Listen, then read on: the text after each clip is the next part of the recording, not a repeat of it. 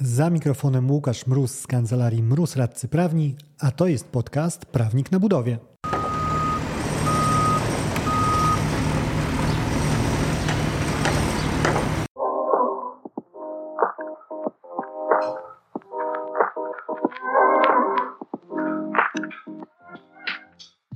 Kolejną osobą, którą miałem przyjemność zaprosić do rozmowy, jest Ernest Szydelski. Ernest jest CEO i współzałożycielem w Hastro, firmie, która celuje w soft dedykowany firmom budowlanym.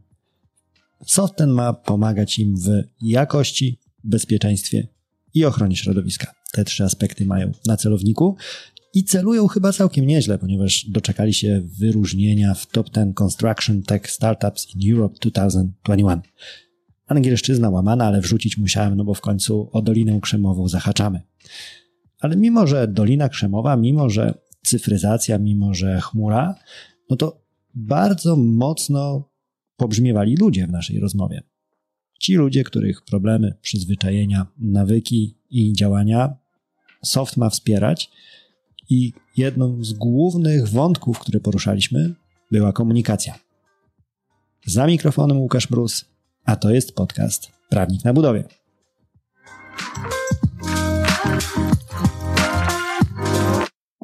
Cześć Erneście, cieszę, że się spotykamy. Dzięki za przyjęcie zaproszenia do rozmowy.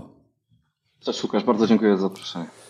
E, zanim zaczniemy rozmawiać, warto by troszkę rzucić światła na to, o czym rozmawiać będziemy, a to, o czym rozmawiać będziemy, podyktowane jest to, czym zajmujesz się na co dzień w firmie, której prowadzisz. Jakbyś mógł krótko wyjaśnić osobom, które nie spotkały się wcześniej z Twoim brandem, cóż takiego zawodowo zajmujecie w życiu? Oczywiście. E, od prawie już trzech lat tworzę, e, tworzymy Hastro, które jest startupem tworzącym oprogramowanie pomagające w działaniach kontrolnych na budowach z zakresu jakości, BHP i środowiska. E, staramy się ujednolicić komunikację na budowie od osoby kontrolującej przez osoby decyzyjne, takie jak kierownik budowy czy kierownik kontraktu, i unikać potencjalnych konfliktów, czyli kwestii e, być może dla Ciebie interesujących, sporów przez upraszczanie komunikacji od właśnie momentu zarejestrowania jakiejś sytuacji na budowie E, do momentu jej rozwiązania, aż przez analizę później tego, co możemy zrobić lepiej w przyszłości, aby niektóre negatywne sytuacje się nie wydarzały, albo żeby powtarzać właśnie te pozytywne sytuacje. Także ten pozytywny aspekt jest dla nas również bardzo ważny. Mhm, to pomęczę Cię długo dzisiaj e, o softowych rozwiązaniach różnych, o Twoim też jak najbardziej, tylko zróbmy krok wstecz na początek. Ty jesteś człowiek bardziej spod e, sztandaru Apple'a czy Androida i Windowsa? E, nie mam wielkich preferencji. Używam komputer, komputer Apple'a i mam telefon z Androidem. Mhm. Staram się używać tego, co, z czego korzystają nasi, nasi użytkownicy, także mamy tego sprzętu sporo. Jasne. I oba systemy mnie równie frustrują. Wiesz co, bo z, chciałem pokrążyć wokół Twojego podejścia do apek wszelakich, bo powie, pójdźmy w tym kierunku, bo o cyfryzacji można myśleć bardzo szeroko, no ale ty sam tworzysz pewne narzędzie internetowe i odnoszę wrażenie, że w dzisiejszych czasach właśnie, kiedy myślimy o jakichś kwestiach cyfryzacyjnych, to te narzędziowe podejście to jest pierwsze coś, co się nasuwa na myśl, nie tylko jeżeli chodzi o budownictwo, ogólnie jeżeli myślimy o, o codziennym naszym życiu. Jesteś typem gościa, który ładuję sobie apki powiedzmy na telefon, że widzisz, e, no jeżeli jesteś Androidem, to w Google Store, nie, nie w App Store, czy w Google Play, chyba tak, tak to się nazywa. Tak. E, czy bardziej wstrzemięźliwie do tego podchodzisz? Jak sama twoja cyfrowa codzienność wygląda pod tym kątem? Znaczy, po takim pierwszym zafascynowaniu wielką ilością aplikacji staram się teraz trzymać e, pewną higienę pracy i mimo tego, że testuję i w firmie testujemy często e, nowe rozwiązania, które mają również nam uprościć pracę. To jest kilka tak naprawdę aplikacji, z których korzystam e, na co dzień. Jesteśmy mocno związani z ekosystemem Google'a, więc cała nasza praca na dokumentacji e, tam się odbywa. Używamy również oczywiście oprogramowania do zarządzania tworzeniem produktu.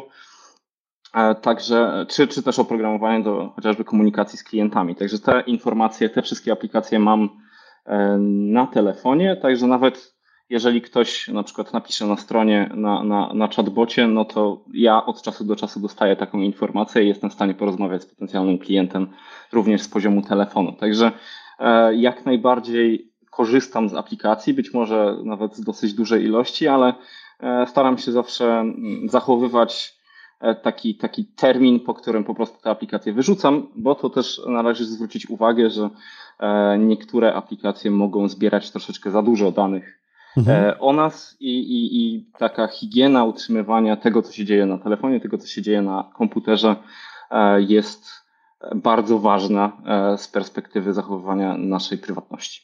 Mhm. I tutaj dochodzimy już do tego, do czego zmierzać chciałem na starcie, pod kątem cyfryzacji, bo nie trzeba, wydaje mi się, nikogo przekonywać, że cyfryzować można każdą branżę. Mhm. Ale zdecydowanie bardziej interesującym pytaniem jest według mnie, czy cyfryzować trzeba. Bo tak jak mówisz o swoim podejściu, mamy bardzo bliskie e, założenia. Ja miałem swego czasu taki okres w życiu hura optymizmu, tego ściąga downloadowego powiedzmy, używając pięk, pięknej polszczyzny. To, co było do znalezienia i wydawało mi się, o, no to do zarządzania projektem to może mi pomóc, to może mi pomóc w komunikacji i odnoszę wrażenie, że był taki etap, może nadal jest, gdzie hurtowo tworzono takie mikronarzędzia do bardzo wąskich zastosowań. I mnie ta opcja osobiście z perspektywy czasu nie przekonuje. Teraz zdecydowanie lepiej czuję się z tworzeniem, jeżeli dostaję narzędzie, które obejmuje mi szeroki obszar i mam takie all-in-one tak naprawdę. E, tam znajdę wszystko, niż składanie jakiejś kumulacji powiedzmy pięciu różnych produktów, które między sobą są niezbyt kompatybilne i które mają mi w teorii zagwarantować różne e, korzyści. I z tym samym podejściem, wydaje mi się, trzeba wejść do budownictwa, jak do każdej innej branży. I powiedz w Twoim odczuciu, na ile ta cyfryzacja jest właśnie potrzebna? E, w jakich obszarach widzisz tą potrzebę na dziś? Rozmawiamy w maju 2022.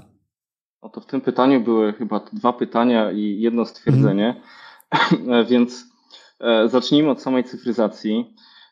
Był taki raport, który chyba każda osoba z budownictwa, która zajmuje się cyfryzacją, zna.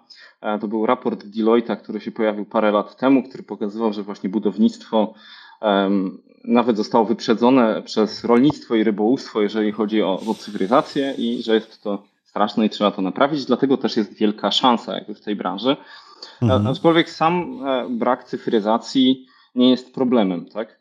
E, cyfryzacja to są, e, dotyczy narzędzi, które zajmują się informacją i w zasadzie to jest tyle. Możemy pokazywać informacje lepiej, możemy dawać szybszy dostęp do tych informacji, E, albo usprawniać komunikację. No wszystko opiera się na zarządzaniu informacją.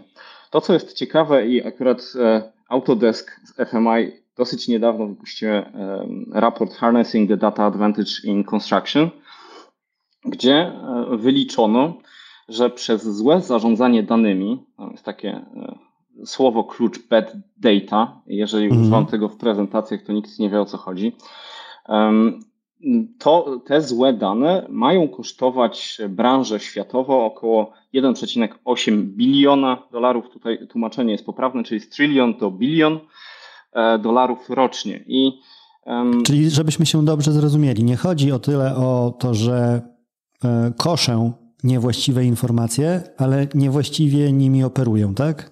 Dokładnie tak. E, chodzi, żeby, żeby to zilustrować, w w kwestiach, którymi my się zajmujemy, kiedy e, myślimy o usterce, czy myślimy o tym, jak ona ma być zapisana na placu budowy, jeden inżynier od drugiego może się bardzo różnić. E, mhm. Analizując dane na temat zapisu usterek, już z perspektywy często sporów, e, widziałem usterki, które były opisane jednym słowem, a potem naprawa ich zajmowała pół roku. E, mhm. A widziałem usterki bardzo drobne, opisane esejem takim dwustronnym, e, pisanym piękną polszczyzną, którego nikt tak naprawdę nie przeczytał. Dlatego ta standaryzacja informacji jest ważna i, i ułożenie takiego języka, która każda osoba zrozumie, każda osoba w procesie budowlanym zrozumie. To jest, to jest taki element, który uważam, że przyświeca wielu rozwiązaniom. My również e, bardzo zwracamy na to uwagę od samego początku tworzenia Hastro. E, I można na to patrzeć na przykład z perspektywy dzielenia się rysunkami, tak? zachowując pewne standardy komunikacji, pewne standardowe oznaczenia, tak aby po prostu każda osoba na budowie zrozumiała, co czyta, żeby nie było tego nieporozumienia. Te nieporozumienia właśnie doprowadzają do sporów, te nieporozumienia e, bardzo do, często doprowadzają do prac dodatkowych, tak, czy do dodatkowych napraw. No, szczególnie tutaj kwestie e, projektowe są takie wybitnie widoczne. Ponieważ Tutaj wiesz co, bym cię troszkę podpytał mhm. o technikalia. Powiedziałeś o tych rysunkach, to masz na myśli to, że ktoś dla zwizualiza- zwizualizowania, e, żeby nie umknęło coś tam między wierszami tekstu, odręcznie jakoś wali po prostu rysunek, że słuchajcie panowie, to tutaj kreską zaznaczam, że tu jest właśnie problem i trzeba zrobić tak i tak i tak, schematycznie wskazuje jak to powinno wyglądać? E, nie, akurat to, jeżeli e, ludzie by robili, to by było super. Mhm. Chodzi mi raczej o dokumentację projektową, tak? o rysunki Jasne. techniczne. I tutaj chyba taką największą kwestią no to jest po prostu dostępność aktualnych rysunków po zmianach w projekcie na mhm. budowie. No to w przypadku kontroli jakości na pewno jest bardzo ważne, czy w ogóle pracy, e, pracy na budowie jest to szczególnie ważne, ale to jest tylko jeden z elementów. Tak? Inny, inny mhm. element, którym my, my na przykład się zajmujemy, no to jest ustandaryzowanie na przykład procesów inspekcji. Tak, aby każda osoba, która przeprowadza inspekcję czy też odbiór, miała dostęp do informacji, te, do wzorca, tak, do tego, jak ma zweryfikować stan rzeczywisty ze stanem zastanym. E, zauważyliśmy, że przy, przy tym, jak E, może skomplikowana e, jest budowa pod względem tego, ile osób o różnym doświadczeniu bierze w niej udział, jak często osoby przychodzą z pracy do pracy, z budowy na budowę w różnych organizacjach. Takie dzielenie się ustandaryzowaną, jednolitą komunikacją informacji tego, jak pracować, jest niesamowicie ważne, bo inaczej kończymy z tym, że każdy ma swoje wrażenie, jak powinno się pracować w głowie, no ale przechodząc od projektu na projekt, każdy projekt może być inny, e, może to po prostu doprowadzać do, do sytuacji problematycznych. Mhm. A powiedz, jak w ogóle widzisz tą standaryzację, bo dla mnie znowu, myśląc o rozwiązaniach takich jak te chociażby oferowane przez Twoją firmę, no to jeżeli ktoś to kupuje, to najczęściej taki inżynier e, usłyszy na budowie i będzie o tym myślał, że dobra, to firma nam kupiła taki nowy soft, mam to wrzucone na tablecie, na telefonie, na laptopie, w biurze budowy, jakkolwiek. E, I standaryzacja z kolei to już dla mnie troszkę jest inna sfera, bo jeżeli mówimy o standaryzacji e, opisywania usterek, to widzę to jako, słuchajcie, to spotkajmy się w, tutaj w pokoju, e, chociażby w tych kontenerkach nieśmiertelnych naszych e, na placu budowy i wskazuję Wam, że mm, mamy tutaj okienko oznaczone jakimś tam numerem do wpisywania tych usterek i będziemy je wpisywali według następującego klucza, według następujących założeń, jakkolwiek chcemy to e, przedstawić ludziom. Jak technicznie to wygląda w, w, waszej, w waszym tym produkcie e, po prostu dorzucacie jakieś wyjaśnienia, jak należy wyja- e, opisywać te usterki, czy jakieś na etapie wdrożenia wyjaśniacie e, personelowi klienta, jak powinno być to robione jak do tego podchodzicie? Znaczy, dużym elementem jest to, o czym wspominałeś, czyli integracje. Tak? Mhm. Czyli to, że aplikacja na przykład do, do, do zarządzania pracą na budowie czy, czy do działań kontrolnych powinna się łączyć z innymi informacjami o projekcie. Dlatego w ramach e, wdrożenia, i to jest taka podstawowa, powiedzmy, standaryzacja, zbieramy informacje z kosztorysów czy e, z WBS-u, tak, w zależności czy jest. Często niestety go nie ma. O tym, jakie prace są, e, są wykonywane. Tak? Zbieramy listy podwykonawców, zbieramy listy użytkowników. E, te wszystkie informacje, łącznie z budżetem projektu, są po prostu e, wrzucone do aplikacji, tak aby osoba wypisująca jakieś zgłoszenie ręcznie nie musiała za długo o tym myśleć. Tak samo z rysunkami. Rysunki są również wrzucone do aplikacji, tak żeby w łatwy sposób można było je znaleźć. Ta kwestia znalezienia jest również bardzo ważna, dlatego w przyszłości będziemy łączyć rysunki z koordynatami geograficznymi, żeby na przykład na inwestycji liniowej, kiedy, która jest z natury często bardzo długa, E, w łatwy sposób znaleźć te dokumentacje, która jest ważna w danym miejscu w bardzo krótkim czasie. Poza tym mamy kwestię kategoryzacji na przykład e, zgłoszeń. Tak? Tutaj również my proponujemy nasze rozwiązania oparte na naszych badaniach, tak żeby przeanalizować przyczyny zgłoszeń, tak? E, żeby przeanalizować skutki, jaki wpływ na przykład ma dane zgłoszenie na pracę, czy na przykład wstrzymuje tę pracę, no to od razu priorytet jest ważniejszy. Więc poprzez ustandaryzowanie tych e, informacji i trochę ograniczenie możliwości wolnego opisywania sytuacji, e, jesteśmy w stanie doprowadzić do tego, że osoba na budowie jest w stanie w czytelny sposób i bardzo prosty, bo takie tworzenie zgłoszenia zajmuje nie wiem, 30 sekund, e, jest w stanie bardzo prosty i szybki stworzyć takie zgłoszenie, oznaczyć, gdzie ono jest, dodać załączniki. I po latach taka osoba jak ty, czy też kiedyś ja, jest w stanie spojrzeć na to zgłoszenie, przeanalizować całą historię tego, co się wydarzyło i zrozumieć kontekst sytuacji bez przeszukiwania setek maili. Także ta standaryzacja upraszcza po prostu komunikację pomiędzy osobami z różnym doświadczeniem, um, mhm. które, które pracują na projektach. A powiedz, przychodzi Ci do głowy jakaś konkretna e, sytuacja, konkretny przykład, którym moglibyśmy podeprzeć e, te takie opisanie, powiedzmy, samej mhm. zasady na, na jakiejś konkretnej usterce, jak to może wyglądać? Tak, tak. To, e, mam mam przy, przykład ze sporu sprzed lat, mhm. który, który w dużej mierze doprowadził do tego, że Hastel istnieje. Spór był E, zaczął się od bardzo prostej do naprawienia usterki. To była usterka drzwi e, takich automatycznych, gdzie po prostu sensor RFID nie działał. I naprawa jest bardzo prosta, koszt wymiany również niezbyt wysoki. E, jednak osoba, która zauważyła tę usterkę, nie zapisała jej nigdzie. Być może zapisała ją na kartce papieru, którą potem zgubiła.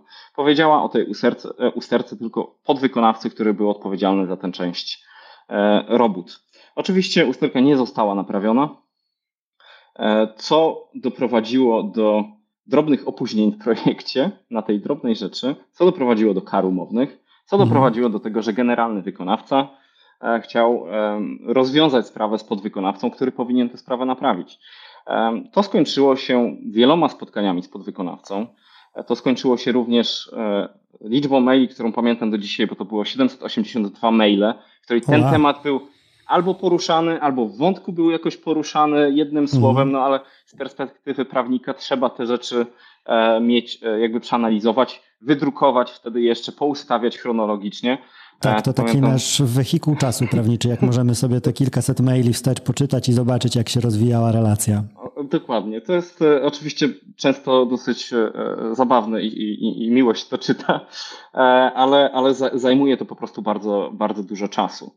Tak, te kwestie, jakby budowa jest organizowana na podstawie oczywiście norm prawnych, ale również umów, które są pomiędzy zamawiający, czy też inwestorem, generalnym wykonawcą i podwykonawcami. I te umowy, e, e, te umowy napędzają i nadają rytm pracy, i nadają sposób komunikacji pomiędzy stronami.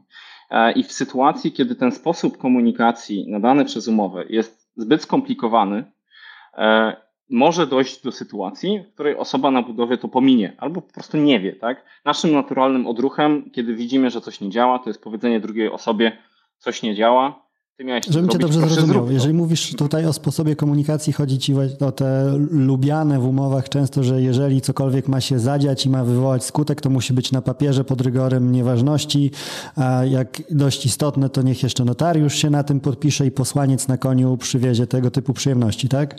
Dokładnie tak. I do tego mamy oczywiście tam określone terminy.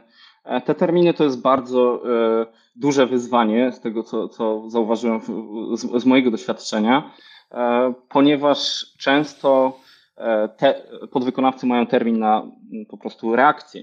Tak? 3-7 dni na, na daną usterkę, czy na przykład mhm. na niezgodność BHP. Ale czasami w przypadku szczególnie usterek jakościowych sprawa jest pilna E, nikt nie pamięta już o tym umownym terminie na budowie. Jest brany wykonawca zastępczy albo generalny wykonawca własnymi siłami e, realizuje te prace i potem się okazuje, że albo ta kwestia nie została zgłoszona w odpowiedniej formie, albo została rozwiązana zanim podwykonawca miał okazję w ogóle zareagować na tę sytuację. Mhm. Dlatego takie informacje, o nich ciężko wymagać, żeby każdy pamiętał e, e, te wszystkie rzeczy na budowie, nie mając doświadczenia prawniczego i nie, nie zarządzając tymi wszystkimi umowami.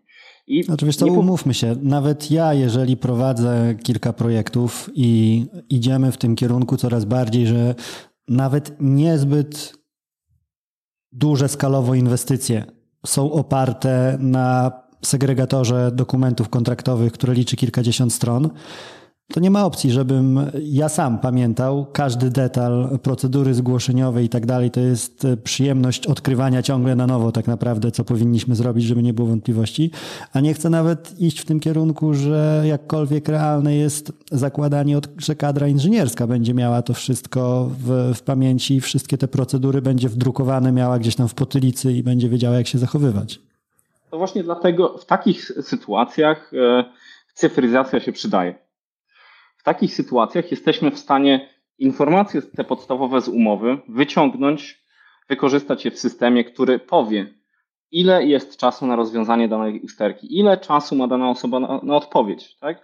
tak, aby osoby po prostu na budowie, które się zajmują pracą, fizyczną pracą, nie musiały o tym cały czas pamiętać. I e, mhm. to Wiesz co, to prostu... znowu ci wejdę w słowo, bo bardzo mnie to interesuje. Czy dobrze rozumiem, że jest opcją po prostu wprowadzić sobie te procedury, no bo to jest nic innego, napisane nie najszczęśliwszym do czystego przekazu prawniczym językiem procedura pewnego zachowania. Więc e, jeżeli ktoś ma ochotę i często się z tym spotykamy, sami zresztą praktykowaliśmy to niejednokrotnie, takie proste infografiki co do najważniejszych obszarów, e, bo to jest nic innego jak drzewko takie pokazujące krok po kroku, rozgałęziające się w niektórych momentach, jeżeli masz kilka opcji, e, to czy dobrze rozumiem, że jest możliwość jakby przełożenia kontraktu na, na język oprogramowania i wskazania sobie znajduję w okienku, że chcę wpisać, zgłosić jakąś wadę i dostaję feedback od razu, mam tam odnotowane, że słuchaj, pamiętaj, że w ciągu siedmiu dni musisz powiadomić generalnego wykonawcę o tym, że taka wada wystąpiła, jeżeli nie chcesz, żeby z automatu uznano, że przyjmujesz jej zasadność. Dokładnie tak. E, mhm. I to, to powiedzmy nie są nawet najbardziej skomplikowane e, funkcjonalności, ale właśnie tworząc tego typu oprogramowanie, uważam, że trzeba brać pod uwagę te kilka kontekstów. Tak? Mamy konteksty finansowe, mamy konteksty prawne, mamy konteksty związane z produktywnością i to, w jaki sposób musimy połączyć na tym skomplikowanym e, bycie, jakim jest budowa, które może być bardzo małe, bardzo duże, może mieć skomplikowane prace, może mieć mniej skomplikowane prace, ale to wszystko jest napędzane e, właśnie wymogami umownymi, więc ten element jest tam e, jak najbardziej. I tak naprawdę praca na budowie będzie jeszcze bardziej regulowana, a nie mniej. E, mhm. To, co widzimy na przykład e, teraz w ramach tworzenia w zasadzie dyrektyw powiązanych z ESG, czyli pozafinansowym raportowaniem, mhm. te elementy również będą dotyczyły budowy i, i z moich rozmów E, i z prawnikami. Jakbyś rozwinął trochę temat osobom, które nie kojarzą w ogóle e, tych haseł, o których e, mówisz, co do dyrektyw w kilku zdaniach dosłownie. Jasne. ESG jest to pozafinansowe raportowanie, które dotyczy bardzo szeroko kwestii związanych ze środowiskiem, kwestii związanych z politykami firmy odnośnie ludzi i samego zarządzania firmą. Te i, I to jest tak samo ogólnie, jak Unia Europejska o tym pisze, więc mhm. jakby w to wchodzi bardzo dużo rzeczy. Um, teraz zresztą będziemy prowadzić prace badawcze, w którą stronę w ogóle to się rozwinie. I patrzymy czasami trochę na Norwegię, jeżeli chodzi o taki kraj, w którym szczególnie te aspekty środowiskowe zostały e, wyciągnięte na, na pierwszy plan i są bardzo mocno rozbudowane. Unia Europejska zazwyczaj robi coś podobnego na trochę mniej, mniejszym poziomie rygoru. Także na pewno wchodzi w to zbieranie śladu węglowego i z tego co wiem, już część na przykład generalnych wykonawców w Polsce to robi nawet od dłuższego czasu, jeżeli są częścią większych na przykład organizacji międzynarodowych. Aczkolwiek to też jest dosyć skomplikowana sprawa i powiązana z tym, w jakim kraju jesteśmy, jakie materiały mamy, jak wygląda transport na budowie. E, no to tutaj mamy dosyć dużo elementów, które trzeba zbierać. Jest to, to uważam trudniejsze na przykład niż w branży produkcyjnej, gdzie mamy ustandaryzowaną linię produkcji, e, fabrykę i potem stawiamy nową fabrykę i ona będzie działała dokładnie w taki sam sposób. No, z projektami e, budowlanymi tak nie ma. Ale co mhm. ciekawe, do ESG wchodzą również kwestie na przykład związane z równością, związane z dopasowaniem, e, e, no, z równością i, i, czy wspieraniem niepełnosprawnych nawet.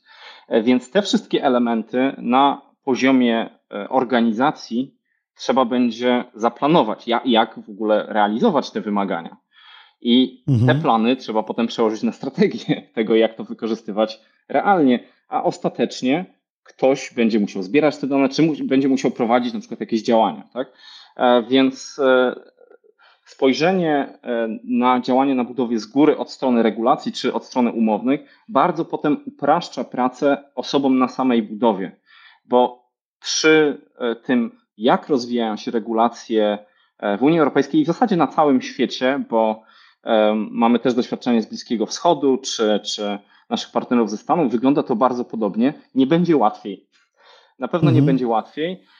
I, I to, co może właśnie w tym pomóc, w tej plątaninie i gąszczu przepisów, e, to jest przekładanie e, tych regulacji na prosty język i dzielenie się nimi w formie cyfrowej, ponieważ drukowanie cały czas nowej, nowych regulacji i e, nowych regulaminów i, i czy, czy dzielenie się kolejną wersją IBWR-ki no, mhm. może być ciężkie do utrzymania w dłuższym czasie. Zresztą w przypadku certyfikacji ISO, e, jak e, współpracujemy, e, pomagamy czasami naszym klientom w tych kwestiach, tak, no, ponieważ tutaj również wchodzą kwestie, no, szczególnie kontroli jakości BHP środowiska.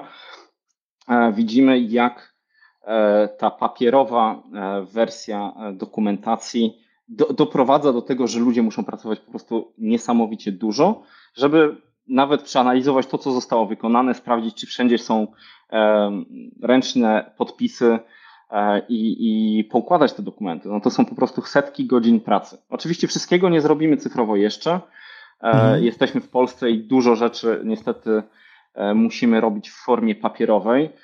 Aczkolwiek no, widzimy, że i w sferze administracji publicznej, i, i w sferze prywatnej to idzie do przodu, tak? I, i ma, mam nadzieję, że raczej będziemy iść te, w tę stronę niż zostawać przy tym, przy tym nieszczęsnym papierze, bo oprócz tego, że oczywiście jest nieekologiczny e, i, i, i druk, e, druk jest e, również bardzo drogi, no to jeszcze doprowadza do tego, że informacje po prostu ciężko znaleźć.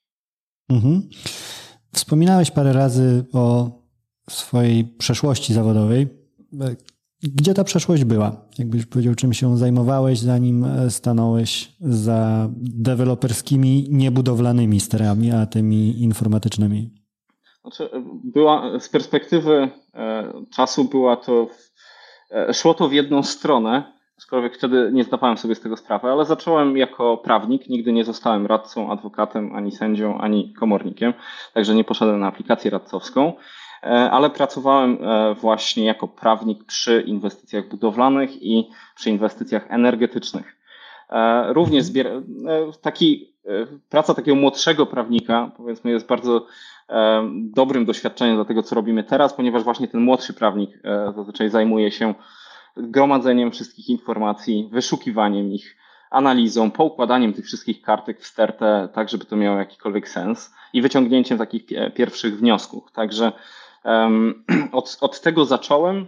E, później miałem okazję pracować dla, e, w bankowości inwestycyjnej, również od strony prawnej, mhm. negocjacji umów i, i tam miałem okazję E, brać udział w jednym z największych e, e, programów cyfryzacyjnych w bankowości na świecie w ramach firmy Axiom, gdzie miałem okazję po prostu zderzyć się z tym, jak wygląda wdrażanie innowacji w dużej firmie.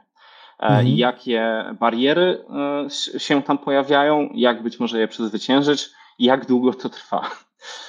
Po czym ściągnięty przez mojego obecnego wspólnika Adama Sobotkowskiego zacząłem pracę w VR Global, gdzie również w nieruchomościach działaliśmy, wykorzystywaliśmy wirtualną rzeczywistość, rozszerzoną rzeczywistość, żeby pokazywać te piękne budynki i pomagać je sprzedawać.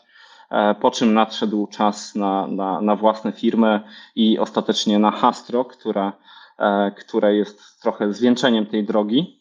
Mhm. Ale e, to, to doświadczenie prawno-cyfryzacyjne bardzo, bardzo pomaga w tym, jak analizować problemy tego, co się dzieje na budowie oraz jak zarządzać procesem wdrażania nowych rozwiązań, bo samo narzędzie to bym powiedział, że to jest tak 50%, może 40% sukcesu cyfryzacji. Mhm. Tak? E, cała reszta jest powiązana ze szkoleniami, e, z pomaganiem użytkownikom, z ciągłym tłumaczeniem i aktywizacją e, osób, które muszą przejść z jakiegoś zastanego etapu, gdzie, gdzie robiły rzeczy w jakiś sposób przez część swojego życia i muszą to często dramatycznie zmienić. I to nie jest proste. I to nie jest proste dla nikogo. Nawet jak ja zmieniam oprogramowania, to e, jest to powiązane z frustracją i chęcią rzucenia wszystkiego mhm. E, kilkukrotną, zanim się dojdzie do takiego poziomu, gdzie faktycznie można docenić. No właśnie. I zatrzymajmy się na chwilę przy tym, bo ja też miałem takie epizody in-house'owe, tak to nazwijmy, robiąc kilka kroków wstecz do tego twojego pierwszego kroku. I też miałem no, dużą wtedy styczność z każdą inwestycją, no bo de facto ludzie, którzy prowadzą ją, masz z nimi regularny, bezpośredni kontakt, bo w firmie powiedzmy to właśnie oni do ciebie zrzucają ten pakiet jakiś tam zaktualizowanego segregatora z kolejnymi mm, notatkami z narad, z kolejną dokumentacją problemu i tak dalej, i tak dalej.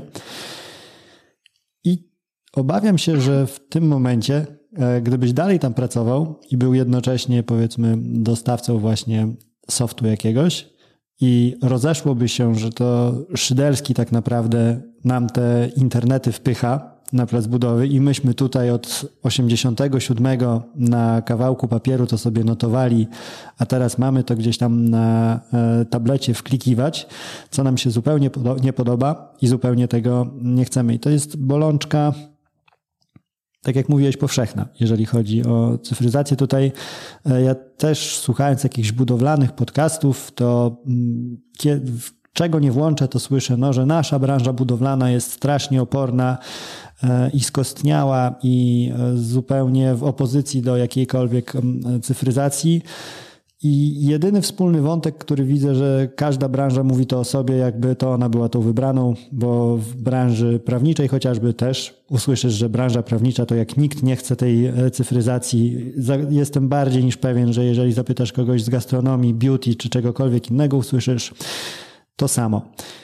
No i dochodzimy do tej, chyba to jest największa bolączka, bo ty jako twórca tego oprogramowania, tak jak, jak sam powiedziałeś, stworzenie samego narzędzia to nie jest sukces. Sukces to jest, jeżeli ono rzeczywiście zostanie wykorzystane, tak że spełni swój cel, będzie pomagało. Popraw mnie, jeżeli się mylę, ale z perspektywy dostawcy, twojej dostawcy softu, ale też użytkownika tak naprawdę końcowego, no największym punktem takim sprzedażowym właśnie jest przekonać tych rzeczywistych użytkowników, nie zarząd firmy, ale tych na placu budowy, żeby, że warto tego używać i będziecie Państwo zadowoleni.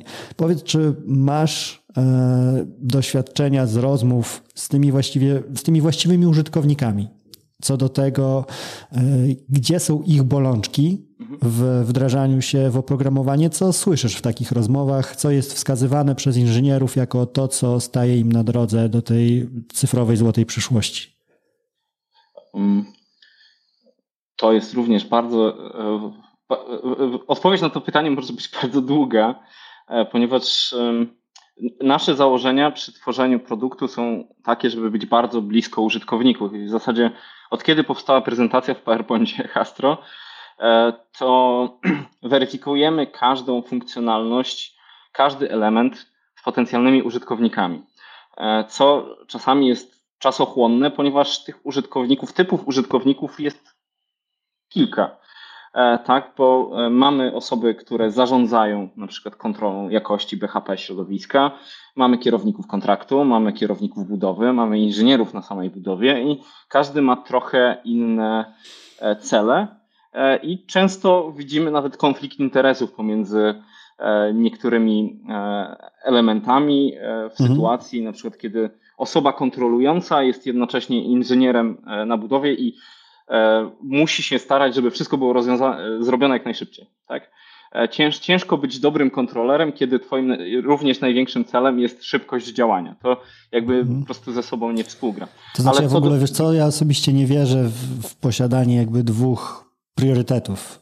Ja jestem na, na, stanowisku, że zawsze musi być taka jedna rzecz, która jest tym rzeczywiście tą gwiazdą taką polarną i jeżeli jest kolizja dwóch, no to na, prosty problem jeżeli coś ma być szybko i super jakościowo, a trzeba wybrać jedno z dwóch w ostatecznym rozrachunku. Nie no, zgadzam się tutaj e, w pełni. E, I, I tutaj nawet e, kwestia priorytetów to jest jedna, ale kwestia szefów to jest drugie. Tak? Mhm. Kiedy ma się dwóch szefów, no to sam, sam ten pomysł jest dla mnie trochę szalony, ale, ale tak to czasami działa niestety. Ale jeżeli chodzi o to, e, z czym się mierzą osoby na budowie, no tak zresztą skonstruowaliśmy i, i proces sprzedażowy Hastro i, i to, jak zbieramy informacje, czyli taką podstawową informacją dla nas pozytywną to jest to, że e, osoby na budowie rozumieją to, co chcemy rozwiązać. Tak, że rozumieją problem w tym, e, że spędzają bardzo dużo czasu na tworzeniu dokumentacji, że muszą wpisywać te same dane w wiele miejsc, że ktoś na koniec miesiąca musi robić o, ogromny raport, a potem ktoś już, już nie z budowy zbiera te 30 raportów w całość i tworzy taki jeden raport dla zarządu, który ma taki jeden wskaźnik i mówi, czy jest dobrze, mhm. czy jest źle.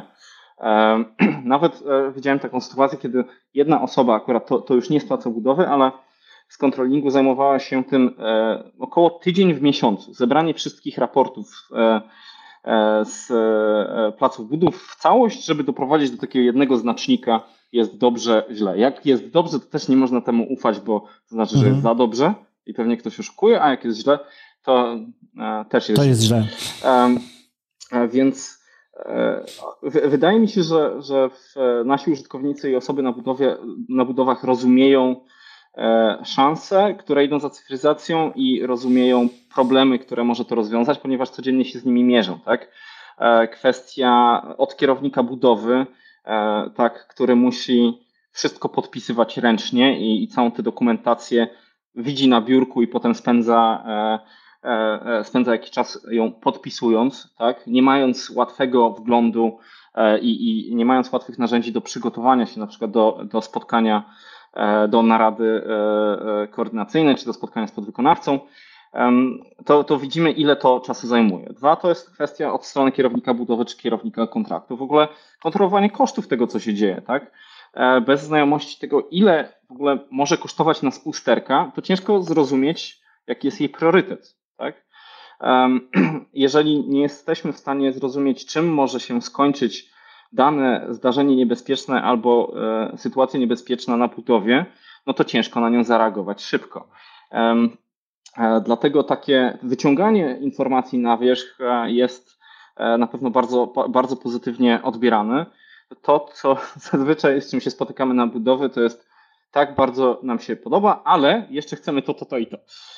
Więc to jest też zawsze wyzwanie przy raczkującej cyfryzacji, ponieważ nie jesteśmy w stanie zrobić, rozwiązać wszystkich problemów naraz. Także staramy się wybierać najważniejsze, iść, iść krok po kroku. Ale e, właśnie zbierając takie informacje od strony, od strony inżyniera, ponieważ nasza aplikacja jest dystrybuowana pomiędzy wszystkich pracowników generalnego wykonawcy, czasami również e, pomiędzy pracownikami podwykonawców, no to musimy zrozumieć, dlaczego chcą z niej korzystać albo dlaczego nie chcą z niej korzystać. Tak?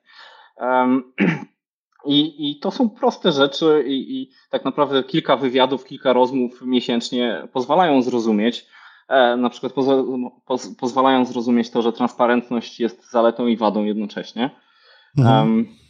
Um, pozwalają też zrozumieć trochę to, że być może bieganie z tabletem na budowie będzie skomplikowane, że lepiej może wykorzystać telefon, ponieważ była, była taka sytuacja, to, to jest historia z drugiej ręki, ale um, o tym, że pracownicy na budowie dostali tablety. Mhm. E, ale od razu musieli podpisać takie oświadczenie, są odpowiedzialni za ten tablet. Wiadomo, jak to leżało gdzieś tam sobie. Tak, i one po prostu były w, e, leżały na półkach i nikt ich e, nie używał, tak? Więc trzeba również zwracać uwagę na te kwestie łatwości wykorzystywania. Idziemy również w stronę mm, coraz większego wykorzystania sensorów w budownictwie, czy też kamer. Nie do wszystkiego jestem przekonany właśnie w związku z prywatnością na przykład i czy, czy mhm. na przykład wykorzystanie kamer w każdej sytuacji jest tym właściwym e, narzędziem. Mhm. No właśnie, bo tutaj z kolei łatwo pójść w taki overkill tak. i ucyfryzować na siłę rzecz, gdzie ten kawałek kartki i długopis spełnią się znakomicie i nie warto ich wyrugowywać stamtąd. To znaczy, może nie kartka i długopis, ale systemy wejściowe na przykład mhm. działają, tak? Odbijanie kart pewne informacje. Oczywiście integracja tych informacji jest bardzo przydatna e, w sytuacji, kiedy e, jest kontrola e, BHP i na przykład chcemy się dowiedzieć, kim jest dana osoba na budowie i czy ma uprawnienia, to warto by było mieć dostęp do tych informacji bez przeszukiwania książki mhm. z, z, z, tymi, z tą dokumentacją, ale przy takim właśnie overkillu jest dużo przykładów prób śledzenia wszystkiego, co robi e, osoba na budowie. Nie chciałbym być śledzony w każdym miejscu, co nie wiem, gdzie chodzę do biur, e, jak, gdzie chodzę w biurze, czy jak często Który idę to do toalety. i to wybierasz. No właśnie. I, i, i stąd um, czasami sceptycznie podchodzę do takich orwellowskich rozwiązań. Um, wydaje mi się, że e, wykorzystanie sensorów, na przykład przy bardzo popularne są sensory przy mierzeniu gotowości betonu. E, tak, e, więc e, jest, jest tego coraz więcej, to w coraz łatwiejszy sposób pozwala zrozumieć informacje. Możemy wykorzystywać już drony, żeby zrozumieć na, na jakim poziomie wykonanie jest budowa. Nawet startup T2Dito o pięknej nazwie, mhm. w którego również nasz inwestor zainwestował, to jest startup ze Stanów Zjednoczonych, na przykład daje taką możliwość um, latania dronem, czy w ogóle e, pracy kamery i wyszukiwania usterek na fasadach. Mhm. Tak? I, I, oni są w stanie to zrobić dzięki temu, że, że tam są zasilani dan, danymi z firmy konsultingowej, która zbierała je przez 30 lat i są w stanie to zrobić w miarę sensowny sposób. To oczywiście idzie krok po kroku, ale tego typu rzeczy naprawdę będą ułatwiać życie. Aczkolwiek również trzeba wziąć pod uwagę to, że przede wszystkim generalne wykonawstwo jest biznesem bardzo niskomarżowym e, i elementy kosztów we wdrażaniu e, innowacji będą zawsze ważne. I jakkolwiek można by było, e, i uważam akurat, że to jest dobre, bo mając mniejszy budżet, jesteśmy w stanie podejmować sensowniejsze często, mhm. często decyzje. I wtedy można wybrać, co jest dla nas ważne na tym konkretnym projekcie, tak? Zacząć uczyć się i, i dopasowywać różne rozwiązania. E, mamy ich teraz całą masę. Akurat w Polsce już chyba nie są tak bardzo popularne smart kaski, ale e, to nadal w Stanach Zjednoczonych czy na Bliskim Wschodzie e, się rozwija. Niektóre firmy tworzą takie fitnessowe obrączki dla mhm. pracowników. To już właśnie takie śledzenie na, na, na dosyć dużym poziomie aczkolwiek ma to uzasadnienie od strony BHP jakieś. Mhm. A co to ma e, pokazać historię, czy nie zapuszcza się człowiek w jakieś zakazane rejony, wykopy i tak dalej? Jaka jest idea stojąca za tym, jak jeżeli się sprzedaje, to powiedzmy, jak pracodawca sprzedaje to, że tego używa?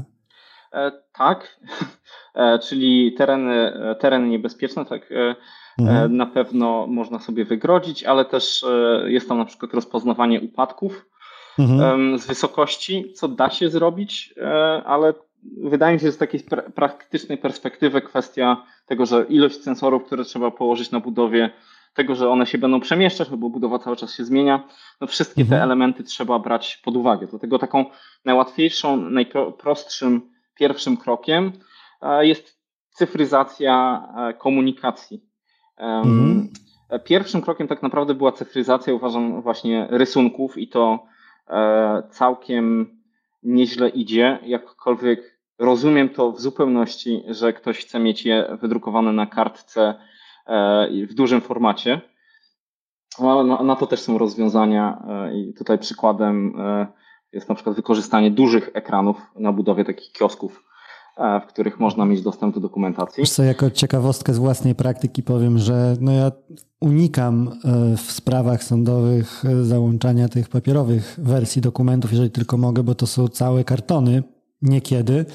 E, raz, że waży to i po co tam w sekretariacie mają sobie pracownicy nadwyrężać kręgosłupy.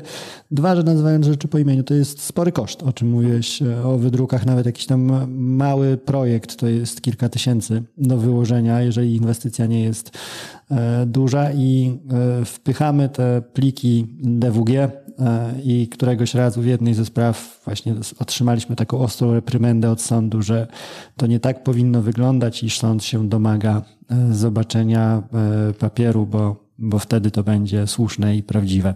Także nie tylko, nie tylko budownictwo ma swoje e, okazjonalne zamiłowanie do papieru. Zahaczyłeś temat kosztów, marżowości generalnych wykonawców, bo z tego często nie zdają sobie sprawy osoby, które są spoza branży, że jeżeli mamy te e, z wielką pompą ogłaszane inwestycje, że super, podpisaliśmy umowę na kilkaset milionów, na miliard z hakiem, to nie jest tak, że to te potężne pieniądze to jest coś, w czym będzie zarząd nurkował jak Sknerus McQuatch w swoim skarbcu.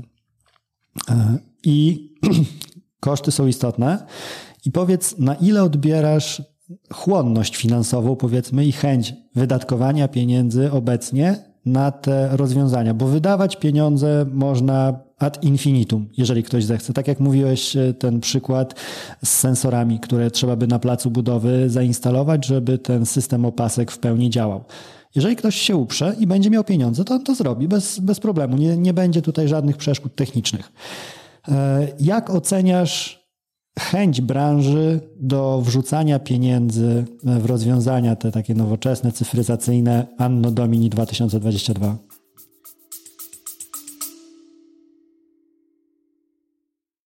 Wracam na trasę szkoleniową. Z Akademią Kontraktów Budowlanych, czyli swoim autorskim szkoleniem, odwiedzę cztery miasta. 23 lutego Katowice, 13 marca Poznań, 19 kwietnia Warszawa i 10 maja Gdańsk. Wszystkie detale i szczegóły o rejestracji znajdziesz na stronie prawniknabudowie.com ukośnik Akademia. Raz jeszcze luty Katowice, marzec Poznań, kwiecień Warszawa, maj Gdańsk. Akademia Kontraktów Budowlanych, strona internetowa prawniknabudowie.com ukośnik Akademia. Do zobaczenia. Zależy gdzie i zależy w jakim mhm. celu. Wydaje mi się, że to takiej e, w pracy na co dzień kwestie e, zarządzania, e, narzędzi do zarządzania zaczynają już być częścią budżetu. Tak samo jak oprogramowanie do analizy i pracy na rysunkach również są już, już częścią, częścią budżetu i zauważyliśmy, w różnych firmach to jest rozłożone na różny sposób, ale czasami nawet jest taki zapas w budżecie projektu do dyspozycji kierownika kontraktu, który może dopasować rozwiązania, które jemu będą pasować. Oczywiście skala budżetu jest zależna od tym, w jakim kraju jesteśmy e, i, i jakiego rodzaju to jest projekt. E, aczkolwiek tak, e, są te pieniądze, nie są na pewno gigantyczne, co też było dużą barierą szczególnie w polskiej cyfryzacji, ponieważ do, do niedawna duża część tego typu systemów była po prostu nie do, e, nie do sfinansowania. Tak? Kiedy, mhm. kiedy płacimy procent projektu za dostęp do oprogramowania, no to sam, sam by się e, zastanowił trzy razy, mhm. zanim by mnie kupił, bo naprawdę musiałoby być fenomenalne.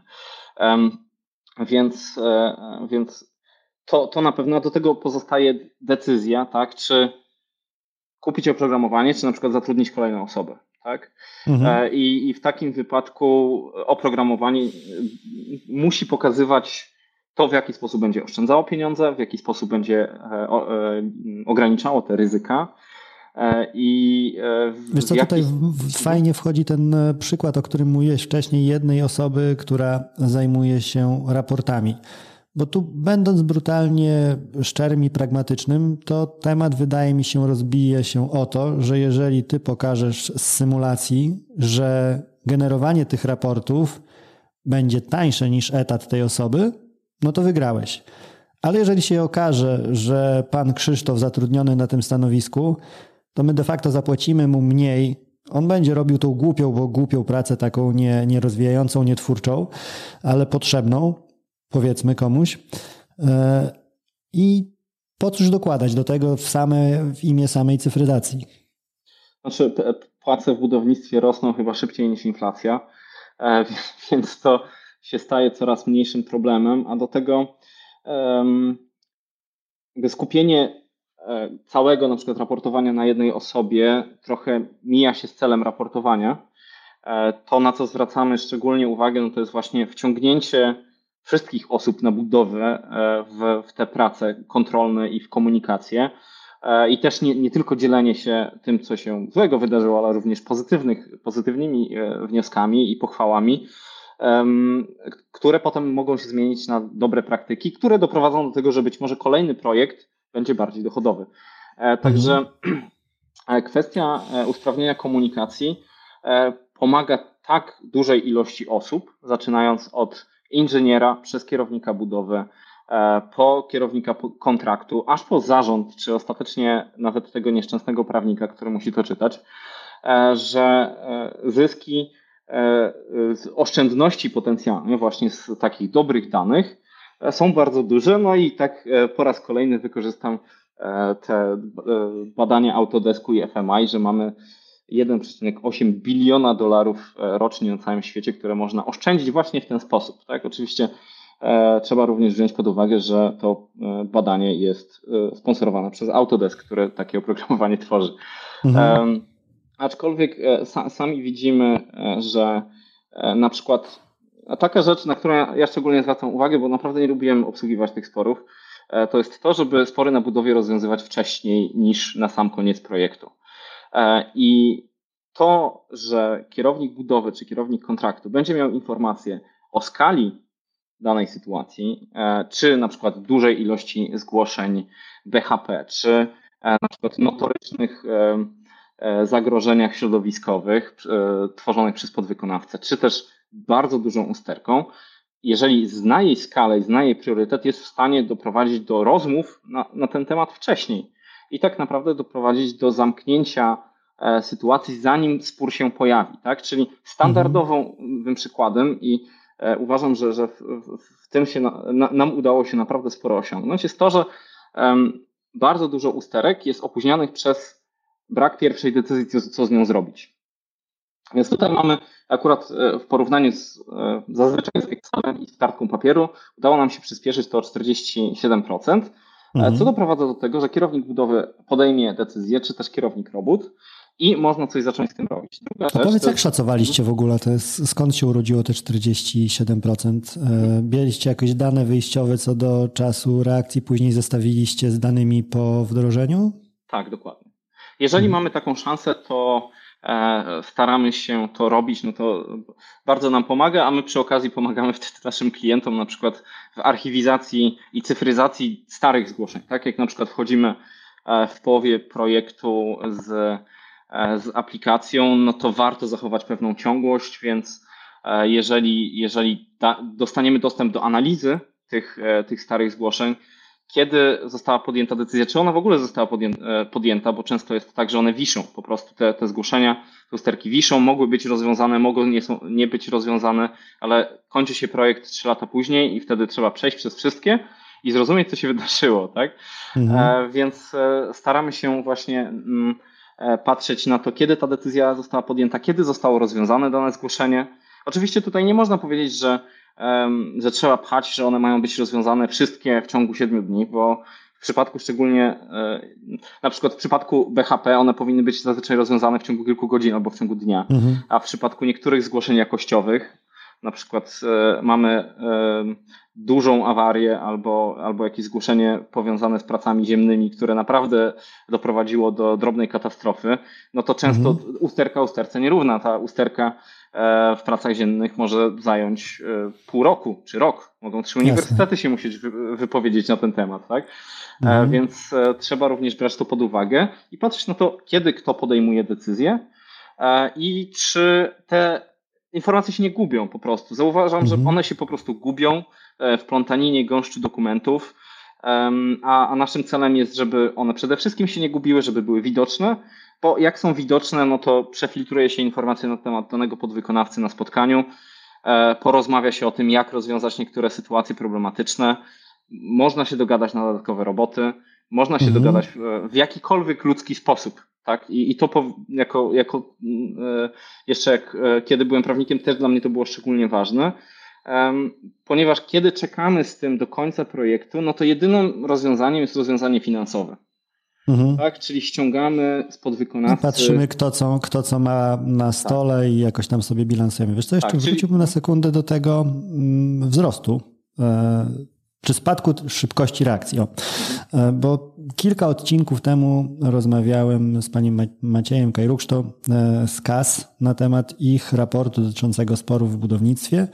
To opracowanie, w którym pytają w większości wykonawców, co im leży na wątrobie, dlaczego się kłócimy na budowie itd., tak itd. Tak I tam, jeżeli chodzi o przyczyny sporów, ten brak decyzyjności był wskazywany jako wiodąca kwestia. To wprawdzie w kontekście relacji między e, wykonawcą a inwestorem, ale postawię dobrą kwotę, że to jest przenoszalne również w dół, no bo wiadomo, że wykonawca często tak naprawdę, dopóki nie dostanie feedbacku od inwestora, czy inwestor będzie robił mu z tym problem, sam do końca nie wie, zawiesza temat, bo nie wie, czy ten problem będzie istniał, czy nie będzie. E, powiedz mi, w czym ty upatrujesz tego, te, te, tych plus 47%? Z czego się urodziło? Bo pierwsza, jedna rzecz, która mnie chodzi po głowie, e, to ta rzecz, o której już mówiłeś, czyli uroki, cienie i blaski transparentności. Blask taki, że widać. Cień taki, że kurde, widać. Także jeżeli coś tam się wydarzy, to jeżeli ktoś zajrzy, to mnie jako kierownika projektu od razu zapytają, ale gdzie ty masz głowę? Przecież to wisi ci od trzech tygodni. Dlaczego ten problem jest niezaopiekowany? E, jak ty odbierasz, e, co stoi tak naprawdę za tym przyspieszeniem? W jaki sposób wiążesz to z tym elementem cyfryzacji? Jak ta cyfryzacja konkretnie przełożyła się na ten lepszy wskaźnik?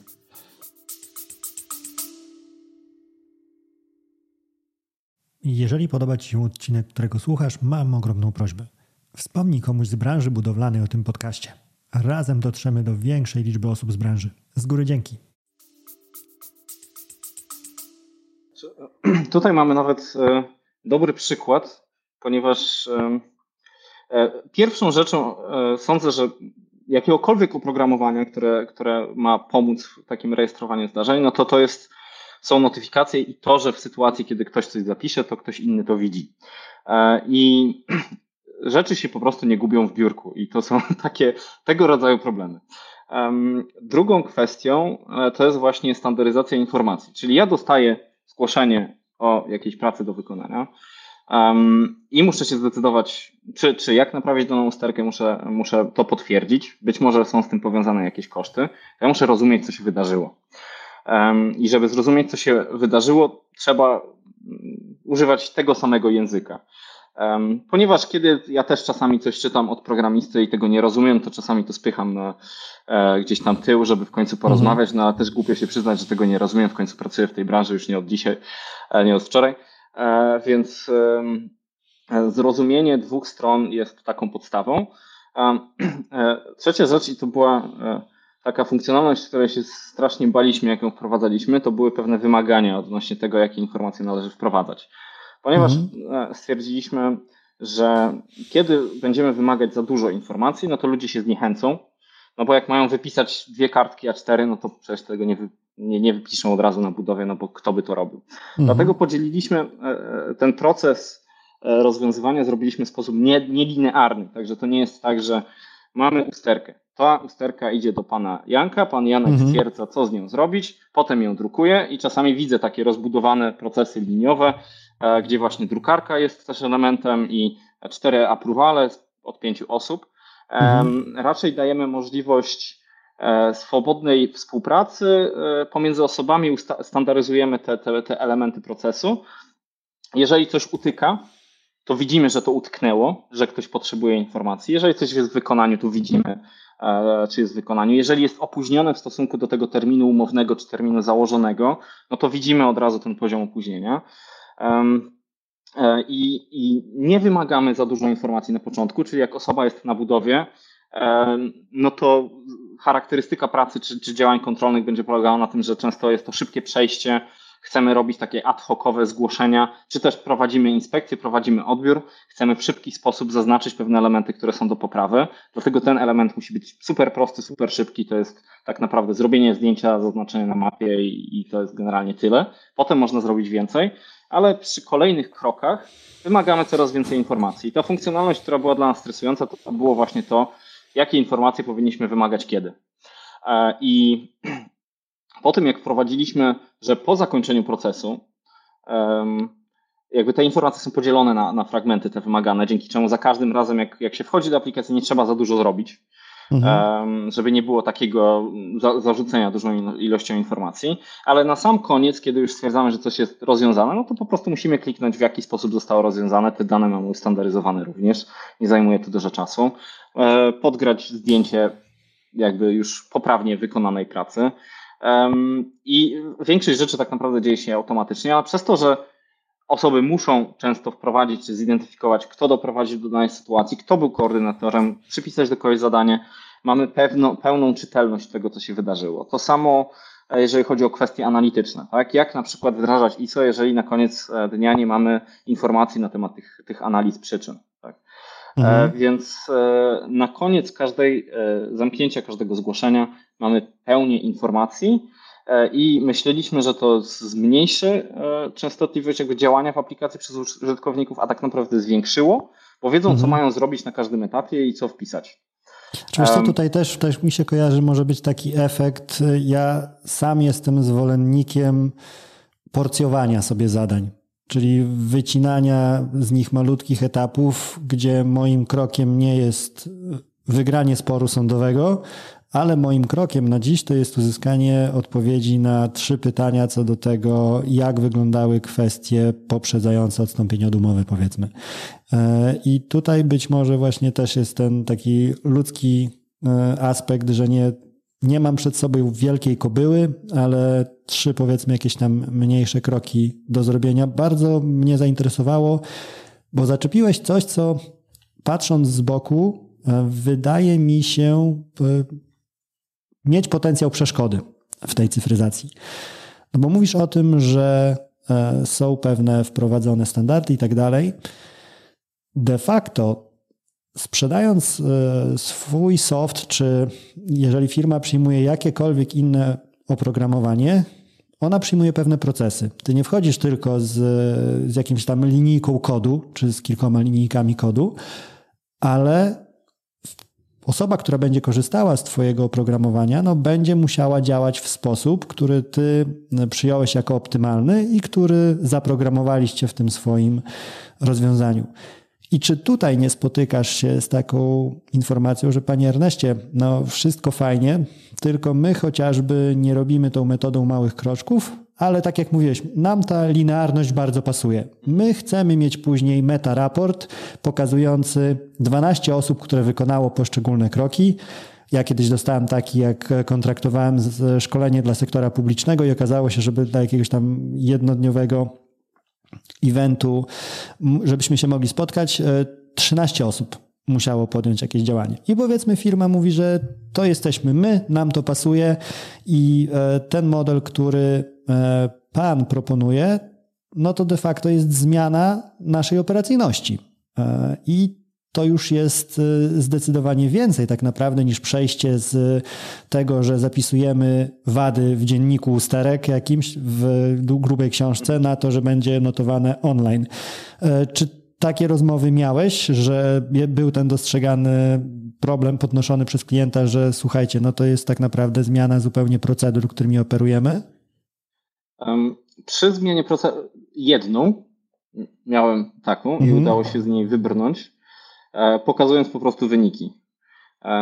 Jakby linearny sposób prowadzenia działań jest bardziej intuicyjny, bo jest prostszy do zrozumienia. I daje coś, co niektórzy lubią, czyli kontrolę. I daje też możliwość poprawiania tego procesu bez końca. Pamiętam również w bankowości inwestycyjnej też mieliśmy takie linearne procesy, wprowadzaliśmy je i jedna osoba na przykład siedziała rok, mapowała proces, po czym jakby zakładano, że ten proces jest optymalny, ale będzie jeszcze optymalizowany i, i, i e, prowadzony. Czyli dzielimy sobie elementy na małe kroczki e, i, i, je analizujemy. My też analizujemy te małe kroczki. Analizujemy je za pomocą historii, e, analizujemy je za pomocą jakby też decyzji podejmowanych w aplikacji. Także te wszystkie jakby wymagania są. Także jesteśmy w stanie stwierdzić, gdzie co wisi, na jakim etapie i dlaczego to nie zostało wykonane. Czyli procesowo generalnie otwartość na to, żeby troszkę zmienić to, jak działamy i ten e, zakup rozwiązania cyfrowego nie był tylko kupieniem jakiegoś tam e, miejsca notatnika wirtualnego w miejsce tego notatnika e, takiego klasycznego jest. A powiedz, czy z Waszej strony jest też e, gotowość, że dobra, w ostateczności to coś tam powiedzmy zindywidualizujemy te nasze rozwiązanie pod Was, czy jednak e, staracie się unikać, mówiąc, że nasze doświadczenia pokazują, że to jest ta jednak dobra droga i cytując klasyka, będzie Pan zadowolony? Tak. E, customizujemy rozwiązanie do konkretnego projektu i to są kwestie te, które poruszaliśmy na początku czyli na przykład wprowadzenia informacji powiązanych z umowami, e, z podwykonawcami, z pracami, które się dzieją na projekcie, ale też na przykład ze sposobami raportowania e, czy analizy konkretnych zgłoszeń. Jakkolwiek chcielibyśmy stworzyć pewne uniwersalne e, odpowiedzi na to, jak powinno się raportować, i nawet przez chwilę mieliśmy takie ambicje, no to E, jednak nie żyjemy w próżni i to nie będzie e, tak, jakkolwiek możemy stworzyć pewien standard Hastro, no to niektóre elementy są regulowane również przez prawo, przez organizacje, które tworzą, robią inspekcje, czy przez klienta na przykład.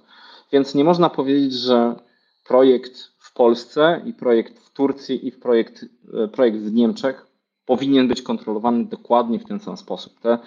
elementy trzeba trzeba dopasować.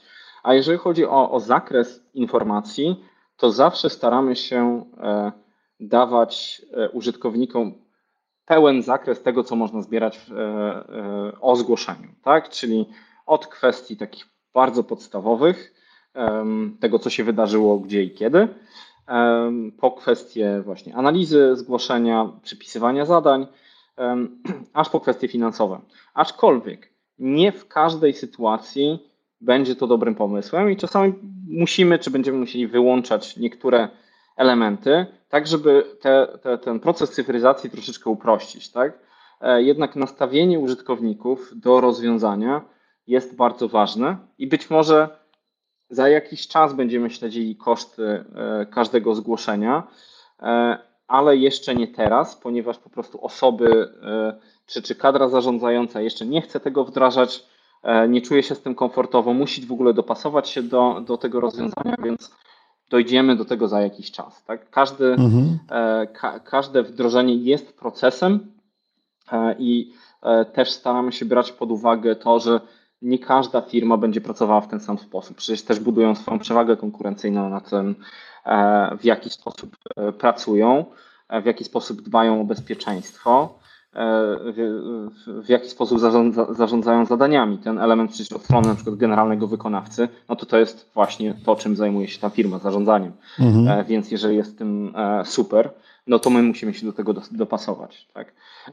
Jeżeli, jeżeli nasi klienci widzą zastosowanie i, i widzą, że ich zespoły są gotowe na zbieranie niektórych informacji i analizę tych informacji właśnie na tę transparentność, no to, y, to wtedy wdrażamy to w taki sposób i staramy się aktywizować użytkowników i pomagać wszystkim zrozumieć cel tego, a celem tej cywilizacji jest przede wszystkim mniej papierowej roboty i mniej powtarzania pracy. Więc ta, mhm. te, takie rzeczy osoba z każdej perspektywy jest w stanie, uważam, docenić. Mhm, jasne. Często, gęsto pada w naszej rozmowie z Twoich ust słowo komunikacja. I to jest takie troszkę kontrintuicyjne, bo kiedy myślimy o cyfryzacji, o aplikacjach, to zaraz jawi nam się przed oczami algorytm jakiś, którego nie do końca działanie wszyscy rozumiemy, jakieś odhumanizowanie jakiekolwiek, że mamy rubryczki, informacje i tak dalej, aż w kierunku jakiegoś tam Terminatora, który, który tą biedną Sarę Connor ściga po całym świecie i przez kilka epok. E, tymczasem od ciebie słyszę, że tak na dobrą sprawę, mimo że mówimy o cyfryzacji, no to mówimy cały czas o ludziach. Że tym, co e, ty masz na celu sprzedać, jeżeli dobrze słyszę, to jest ułatwienie rozmów między ludźmi, a nie jakieś tworzenie wirtualnej rzeczywistości i oderwanie w ogóle jakiegokolwiek człowieczeństwa od tej pracy e, na co dzień. Słyszę dobrze? Na pewno tak. Jeszcze nie jesteśmy w e, miejscu technologicznej i pewnie długo nie będziemy, w której po prostu postawimy um, drukarkę 3D i wybuduje nam wieżowiec sama. Tak? Mhm. E, dużo, dużo jeszcze czasu musi upłynąć, zanim cokolwiek takiego w ogóle się wydarzy.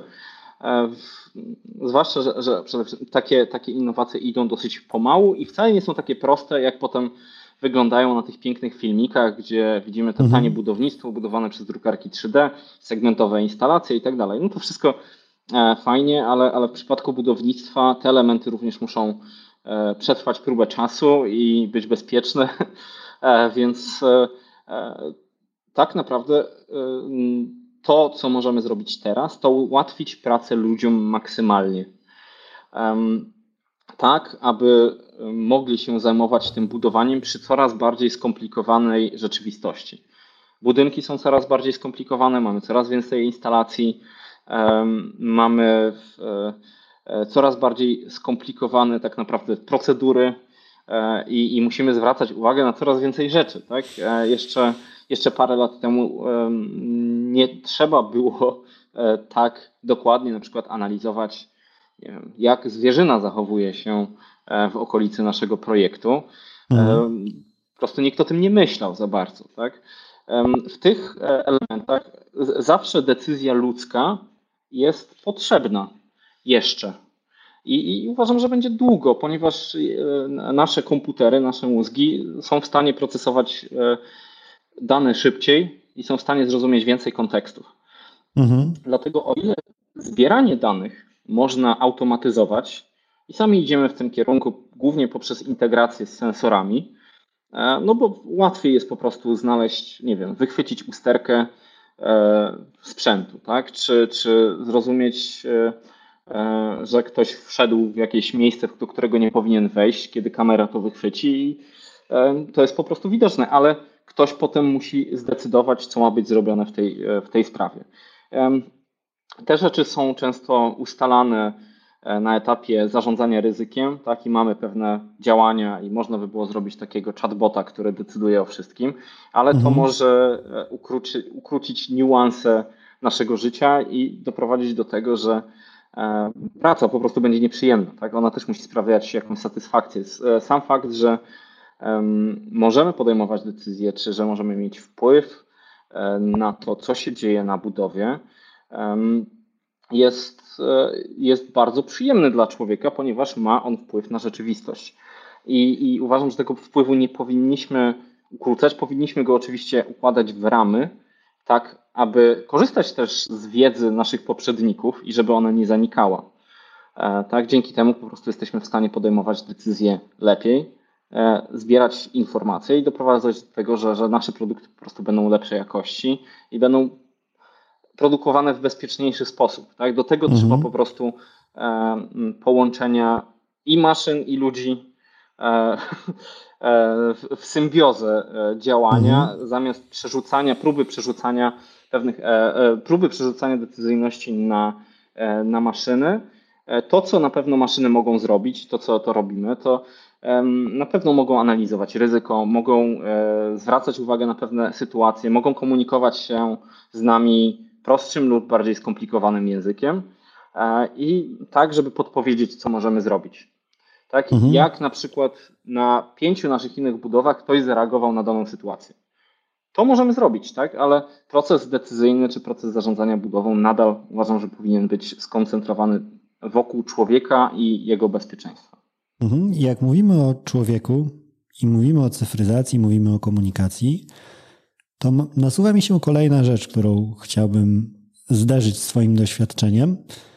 Różnice pokoleniowe, bo naturalnym, takim intuicyjnym wydaje mi się, że ludzie z pokoleń, które natywnie wychowały się w tym cyfrowym świecie i związanym e, z nią świecie no, cyfrową komunikacją, zdecydowanie łatwiej, naturalniej czują się w tym środowisku.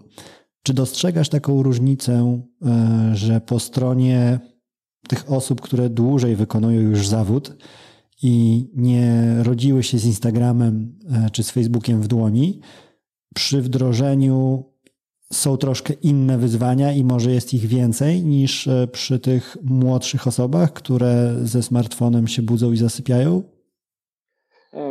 Nie do końca.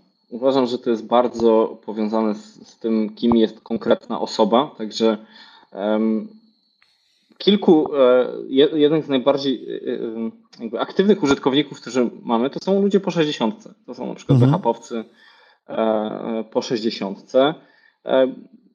Którzy Masz jakieś przemyślenia, dlaczego akurat oni? Skąd u nich się bierze ta aktywność? No raz z tego, że jest to ich praca i mhm. musieli po prostu przejść i, i zdają sobie również sprawę z tego, w którą stronę świat idzie. E, i albo można się temu opierać, albo można po prostu spędzić 20 minut i, i to zrozumieć.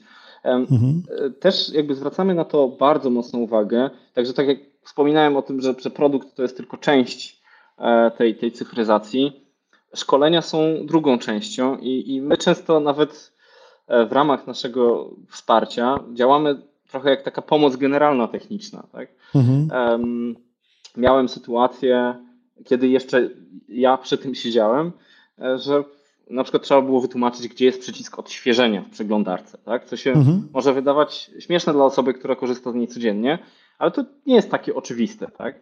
E, czy jak zaktualizować aplikację. I e, to, co czasami widzę, to, to jest to akurat przerażające w sytuacji, kiedy firmy nie mają ujednoliconego sposobu zarządzania urządzeniami, które mają ich pracownicy, to, że telefon na przykład nie był aktualizowany od 5 lat. E, co byłem w ogóle pod wrażeniem, że to jest możliwe. Mhm. I, I że no przecież wyskakuje taka no, notyfikacja, no to klikam tam, że nie i, i tyle, no przecież to zajmuje, zajmuje tyle czasu. Um, więc e, to są po prostu elementy e, wsparcia i szkolenia. I, i to nie są rzeczy, których się nie da przeskoczyć. Mamy również, e, są również młode osoby, które nie są super doświadczone z technologią, czy są doświadczone z innego typu technologią i, e, i, i sam fakt, że korzysta się z Instagrama e, czy korzysta się z Facebooka nie, nie świadczy o tym, czy ktoś wie, jak zainstalować aktualizację jakiegoś rozwiązania. Mhm. Tak? Nie przemawia za kompetencjami cyfrowymi od razu. Tak, albo w, te, miałem niedawno taką rozmowę Mm, że aplikacja nie, nie, działa, ale dlatego, że jakby nie można się zalogować. E, dajemy zawsze możliwość takiego logowania bezpiecznego, czyli my nie trzymamy haseł, tylko one są po stronie e, klienta. Bardzo dużo klientów korzysta z rozwiązań Microsoftu. Mhm. Tam w logowaniu jest opcja zalogowania się numerem telefonu albo mailem. Mhm. Numeru telefonu w bazie danych klienta nie ma ale Microsoft pokazuje, że można się tym zalogować. Tak? Mhm. W związku z czym ktoś wpisuje swój numer telefonu i nie działa. E, mhm. I, i, i w, uważam, że ja nawet nie powinienem wiedzieć o takich rzeczach.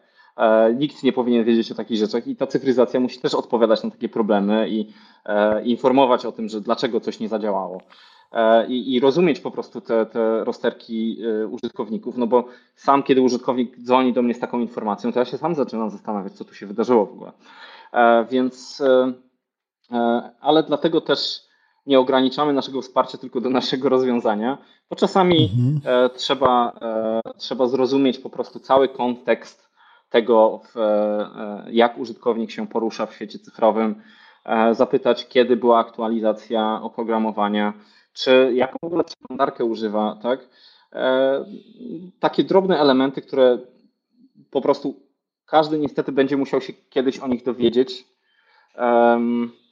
E, aktualizacji jest więcej niż mniej. E, mnie mhm. też zaczyna to irytować trochę e, przy ilości aplikacji, które, które których używam. Ale bez oceniania po prostu trzeba dawać informacje, jak sobie poradzić z tymi wyzwaniami, no bo to jest naturalne w sytuacji, kiedy ktoś nie siedzi w branży, że nie będzie, że, że będzie rozumiał każdą sytuację, która się dzieje na jego telefonie czy komputerze. Tak? Nie każdy jest programistą, nie każdy jest informatykiem. Mhm. Przeskoczmy teraz na ostatni etap tego jakby całego procesu, bo rzecz, która też mnie zainteresowała, feedback. E, mówiłeś o tym i żyjemy w świecie, w którym ostatnią rzeczą, na którą narzekać możemy, jest brak danych. My bardzo dużo wiemy, coraz więcej agregujemy informacji, Także wydaje mi się, że trudno wskazać, że źródłem jakich bolączek, jakichś bolączek jest to, że zbyt mało wiemy. Problemem zaczyna się robić to, co z tą wiedzą zagregowaną w olbrzymich ilościach zrobić. I wspominałeś właśnie pod kątem e, swojego rozwiązania o tym e, wyciąganiu feedbacku. Jaką widzisz E, czy może inaczej, zacznijmy od tego, jak to w praktyce właściwie te wyciąganie feedbacku w waszym wydaniu wygląda. Feedbacku w sensie od użytkowników? Tak? Nie, nie. Chodzi mi o to, że masz, e, mówiłeś o tym raportowaniu po inwestycji, gdzie patrzymy, czy ten wskaźnik pokazuje w stronę źle, czy w stronę dobrze i możemy wykorzystać jakby wasze rozwiązanie, żeby też mieć o tym informację. E, tak, no to tutaj właśnie wchodzą te maszyny i to, co algorytmy są w stanie zrobić. To, co możemy nazwać sztuczną inteligencją, możemy to nazwać nauką o danych e, i to jest e, coś, co może bardzo pomóc. W sytuacji, kiedy na większych projektach mamy kilkanaście, nawet słyszałem o projektach w Emiratach, gdzie trochę jest inny układ sił w budownictwie mhm. i rola konsultanta, takiego inwestora zastępczego jest bardzo duża. E, to tam na jednej budowie może się pojawić kilkaset tysięcy zgłoszeń. Ała. I nawet usłyszałem od tej osoby, z którą rozmawiałem, że mieli awarię i musieli te zgłoszenia wpisywać najpierw w jednym systemie, a potem w drugim. To już Ała. w ogóle. E, współczuję. E, ale przy tak dużej ilości danych właśnie mo, można do tego podejść parę, na parę sposobów. Pierwsza to jest próba analizy takiej automatycznej tekstów, aczkolwiek z danych prowadzonych właśnie w dużych przedsiębiorstwach, jeżeli chodzi o przedsięwzięcia innowacyjne, e, analiza automatyczna tekstów e, w 70 chyba procentach się nie udawała. E, teraz być może powiedziałem liczbę, która jest odrobinę błędna, ale to były te granice, czy nawet wyższe. Także to bardzo rzadko się udaje i to możemy sobie wyobrazić tak jakby miała być analiza wszystkich aktów prawnych, miałaby nam, czy, czy umów i miałaby nam e, sztuczna inteligencja mówić, co dokładnie się dzieje, jakie są ryzyka. To jest bardzo fajne marzenie, ale to wybitnie nie działa. Mhm. Um, I myśleliśmy o takim rozwiązaniu, ale e, o kosztach w ogóle analizy tych informacji e, i, i ich sensowności potem, e, stwierdziliśmy, że nie. E, I dlatego stwierdziliśmy, że, że ułożenie komunikacji, ustandaryzowanie tych informacji na początek da nam łatwą drogę potem do analizy tych informacji. E, I mhm. dlatego też e, te, te dane są ustandaryzowane, nie tylko dlatego, żeby łatwiej się ludziom rozumiało to, co się dzieje, ale też, żeby łatwiej się komputerowi rozumiało, co się dzieje. Dzięki temu jesteśmy w stanie E, automatycznie obliczać średnie poziomy opóźnień, czasu trwania zgłoszeń e, w perspektywie różnych podmiotów, które biorą udział na budowie. Jesteśmy w stanie analizować największe ryzyka. E, Czyli mówiąc o różnych podmiotach, masz na myśli, mogę sobie jako kierownik projektu na przykład zauważyć, że określony podwykonawca notorycznie naruszał mi terminy usuwania VAT i to jest dla mnie przyczynek do tego, żeby zastanowić się, czy ta firma powinna nadal być w bazie naszych kontrahentów. Nawet można dojść głębiej, bo możemy e, na przykład e, zobaczyć sytuację, w której zmieniła się kadra od strony konkretnego podwykonawcy i być może to było elementem, które, mhm. a że ten podwykonawca działa super na czterech projektach, na piątym było bardzo fajnie i nagle coś przestało działać, jesteśmy w stanie wychwycić tę chwilę. Jesteśmy mhm. też w stanie wychwycić chwilę, kiedy na przykład ludzie podejmują najwięcej decyzji, czy to na przykład jest w piątek raz w miesiącu. Mhm. E, jakie to są decyzje? Jesteśmy w stanie e, zrozumieć, jaki jest wpływ e, naszych zgłoszeń na budżet projektu, czyli takie wystawienie, ryzyko finansowe, tak? Exposure, które w bankowości inwestycyjnej widzieliśmy codziennie na takim wykresie. Tutaj jesteśmy w stanie również analizować na bieżąco, tak? biorąc pod uwagę również koszty napraw, bo czasami jest tak, że, że koszty napraw mogą zacząć nam zjadać na przykład 20% budżetu mhm. projektu i warto o tym wiedzieć wcześniej niż później. Wiesz co, Więc... uchyl mi troszkę y, zasłonę, jeżeli chodzi właśnie, zajrzyjmy na zakotarę, bo mówisz o tym, że widać, że to jest w piątek powiedzmy, albo widać, kiedy ta wydajność podwykonawcy spadła w usuwaniu wad. Jak w praktyce ja to zobaczę? To jest jakaś wizualizacja danych? To są jakieś raporty? Jak to wygląda? Tak, wykresy muszą oczywiście być, e, są mhm. uwielbiane przez e, wszystkie osoby. Tak. Każdy raz w swoim życiu przynajmniej musi zrobić prezentację w PowerPoincie z wykresami. Mhm. Dlatego też można je eksportować do zdjęć i wrzucać je w te prezentacje do PowerPointa. Ale tak podeszliśmy e, do tego w sposób wizualny i mhm. Więc, żeby mieć dostęp do różnego rodzaju danych, wchodzimy trochę w różne elementy aplikacji i możemy je albo wyfiltrować, e, albo wyszukać, żeby było łatwiej, jeżeli chcemy dojść do takich bardzo konkretnych, takich najmniejszych informacji, najmniejszych kawałków tak, wiedzy. Ale kiedy chcemy spojrzeć z góry, to ciężko to pokazywać w formie listy czy kanbana, tak jakiegoś. E, mhm. E, wtedy, wtedy wykresy w to wchodzą. My również standaryzujemy te wykresy, czyli my proponujemy w jaki sposób mierzyć te dane. Zauważyliśmy, że, że często jest podejście takie, że na inżynierów zrzuca się um, tworzenie, czy, czy, czy menedżerów um, na przykład jakości BHP, um, zrzuca się tworzenie statystyk, kiedy są to osoby, które nie mają doświadczenia mhm. statystycznego. Czyli bardzo łatwo jest popełnić pewien błąd, bo na przykład analizując zgłoszenie od rozpoczęcia do zamknięcia, uważam, że to niewiele daje. Tak? Kiedy patrzymy wszystkie zgłoszenia, tak? Wszystkie zgłoszenia mamy mhm. średnią 42 dni. I co to mi mówi? Przecież jedno zgłoszenie może być gigantyczne, no drugie tak, może to być ten syndrom dwóch psów, z których ma jeden dwie łapy, drugi ma cztery i nagle okazujemy się, że dostajemy trzy łapy psa na średnio. A powiedz, czy macie jakiś taki pakiet informacji, bo tak jak mówisz, macie już przemyślenia co do tego, co nie jest zbyt miarodajną informacją?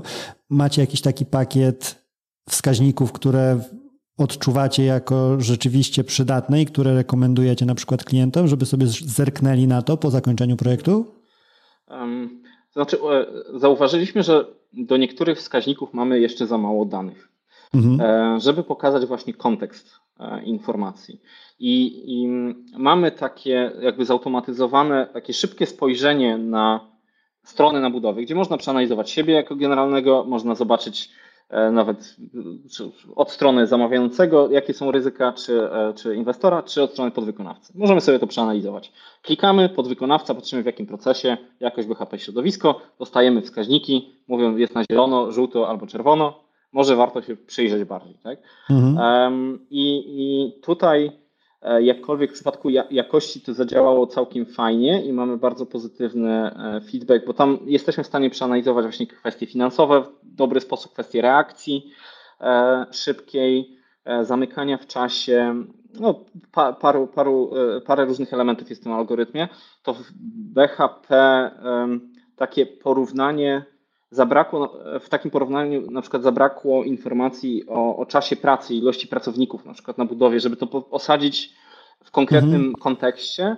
Idziemy w tę stronę, e, jak najbardziej chcielibyśmy zbierać również te informacje, żeby, żeby nie było tak, że mamy podwykonawcę, który jest mały, tak, ma 5 osób na budowie i mam podwykonawcę, który ma 100 osób na budowie i my zaczynamy ich mierzyć tą samą miarą. Mhm. Tak, bo to, to jest po prostu nie, nie w porządku i to nie przyniesie, nie, nie, nie doprowadzi do niczego dobrego. Tak? Um, mhm. Dzięki temu też może spojrzenie procentowe, odchylenia pewne od normy są lepszym rozwiązaniem. I te odchylenia staramy się na, na nie zwracać uwagę. Jakkolwiek czasami jest e, to problematyczne do wytłumaczenia na początku, ale, ale dosyć szybko to wchodzi do, do, do, do użycia, e, ponieważ kiedy e, patrzymy na odchylenia, na przykład czasowe od tego, jak zaplanowaliśmy sobie pracę i jak procentowo w stosunku do naszego zakładanego tygodnia na rozwiązanie, czy, czy miesiąca na rozwiązanie wyglądają te prace, to możemy faktycznie zrozumieć, e, poziom, jakby poziom pracy i jakość tej pracy i szybkości właśnie faktycznie reagowania, bo opóźnienie siedmiodniowe na zgłoszeniu, które ma 7 dni na rozwiązanie, no to jest dosyć duży problem, a opóźnienie mhm. siedmiodniowe na zgłoszeniu, które ma 100 dni na rozwiązanie, no to troszeczkę mniejszy, tak? I, mhm. i to, mhm. to, ten, ten zakres, e, war, warto te, te niuanse brać pod uwagę i staramy się też budować właśnie te elementy analityczne tak, żeby te, te niuanse móc wyciągnąć, jeżeli ktoś chce można spojrzeć dosyć prosto na sprawę, ale jeżeli chce się wejść głębiej i zrozumieć faktyczne przyczyny, to, to można na to e, po prostu spojrzeć e, i, i dojść aż do samego źródła. Tak? Zazwyczaj ja, ja tłumaczę, że to nie jest, e, analityka nie jest rozwiązaniem i odpowiedzią na wszelkie, wszelkie potrzeby, to jest powód do rozmowy tak naprawdę.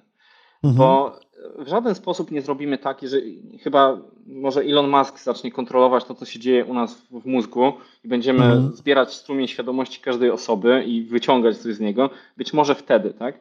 Ale każda sytuacja jest inna i jeżeli widzimy jakieś odchylenie od normy, to po prostu warto zareagować i zorganizować szkolenie, mhm. czy porozmawiać po prostu z daną osobą, czy danym podwykonawcą, albo ze swoim nawet kierownikiem budowy.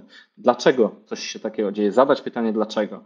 Um, bo analityka nie, nie zawsze jest w stanie wskazać, czy jest dobrze, czy jest źle, właśnie na zasadzie takiego jednego wskaźnika, ale jest w stanie pokazać miejsca do poprawy albo miejsca, nad którymi trzeba się zastanowić.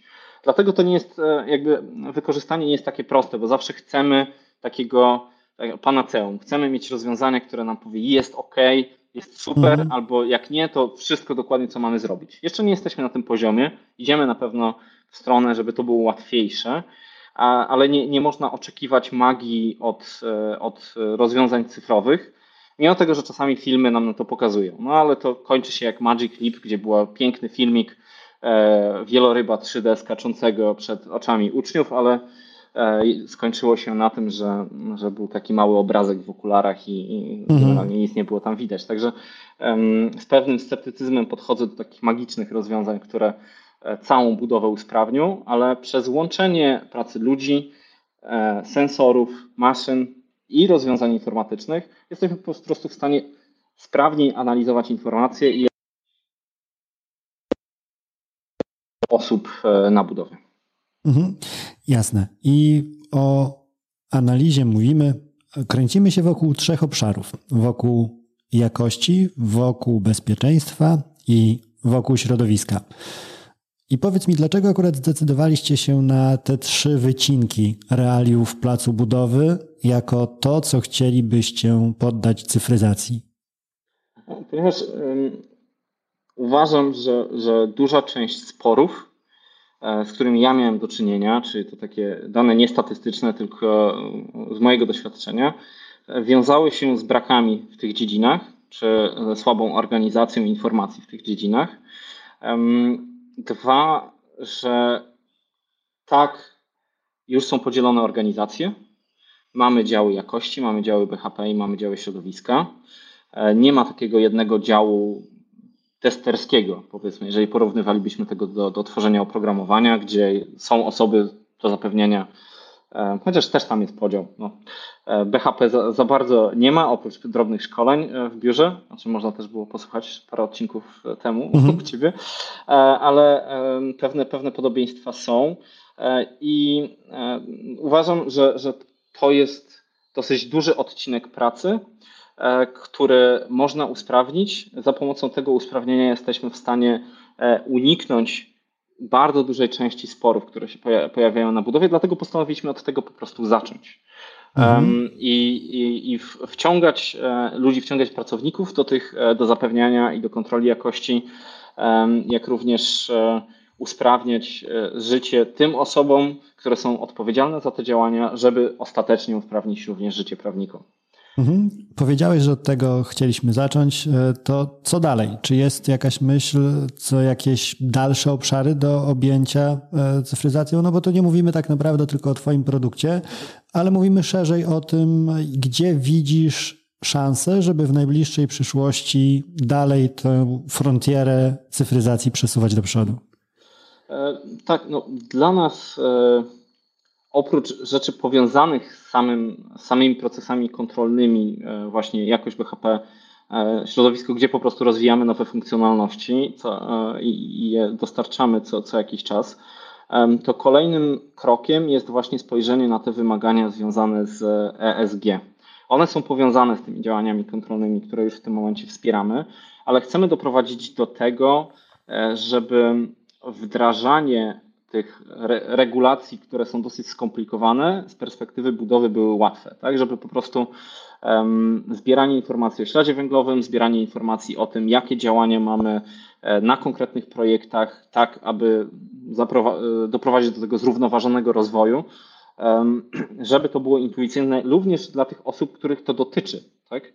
Um, Łatwo na to spojrzeć tylko z perspektywy całej organizacji, z perspektywy ratowania, e, raportowania, ale Celem tych regulacji jest poprawa pra warunków pracy i poprawa środowiska naturalnego, w którym żyjemy. A żeby do tego doprowadzić, nie wystarczy stworzenie planu e, przez zarząd. E, więc e, dlatego chcemy te, te elementy tłumaczyć i również organizować komunikację i planowanie tych działań z perspektywy budownictwa Uważam, że to jest dosyć e, mocno nadchodzący temat, e, którym jeszcze wiele osób się nie zajęło na poważnie. Cały czas e, artykuły, które czytam na ten temat są zazwyczaj niesamowicie ogólne i, i bierze się to na pewno stąd, że, że jeszcze nie do końca wiemy, jak to będzie w Unii Europejskiej wyglądało, ale czy w Unii Europejskiej, czy na Bliskim Wschodzie, czy w krajach takie jak Norwegia, Stany Zjednoczone, ten temat jest e, bardzo ważny e, i coraz więcej wymogów będzie nakładanych na firmy budowlane właśnie związane z przede wszystkim środowiskiem i warunkami pracy. Dlatego dla nas jest to bardzo ważny temat, aczkolwiek nie oznacza, że to jest jedyna rzecz, w którą cyfryzacja jako taka idzie. Mhm. Uważam, że rozwój BIM-u i, i to też jest słowo klucz, e, hasło, które można rozumieć na wiele sposobów. Osobiście uważam, że to, co my robimy, mimo tego, że jeszcze nie jest powiązane z modelami 3D, e, jest zgodne z, z, jakby z ideą, która stoi za, mhm. za BIM-em. Ale, ale wykorzystywanie modeli i, i nowoczesnego planowania projektów e, to jest coś, co mam wrażenie, że nadchodzi i już jest wykorzystywane przez większe, większe organizacje. Ale to, co najbardziej chciałbym zobaczyć, to nie są innowacje cyfrowe. To, co chciałbym zobaczyć, to są innowacje w sposobie prowadzenia projektów.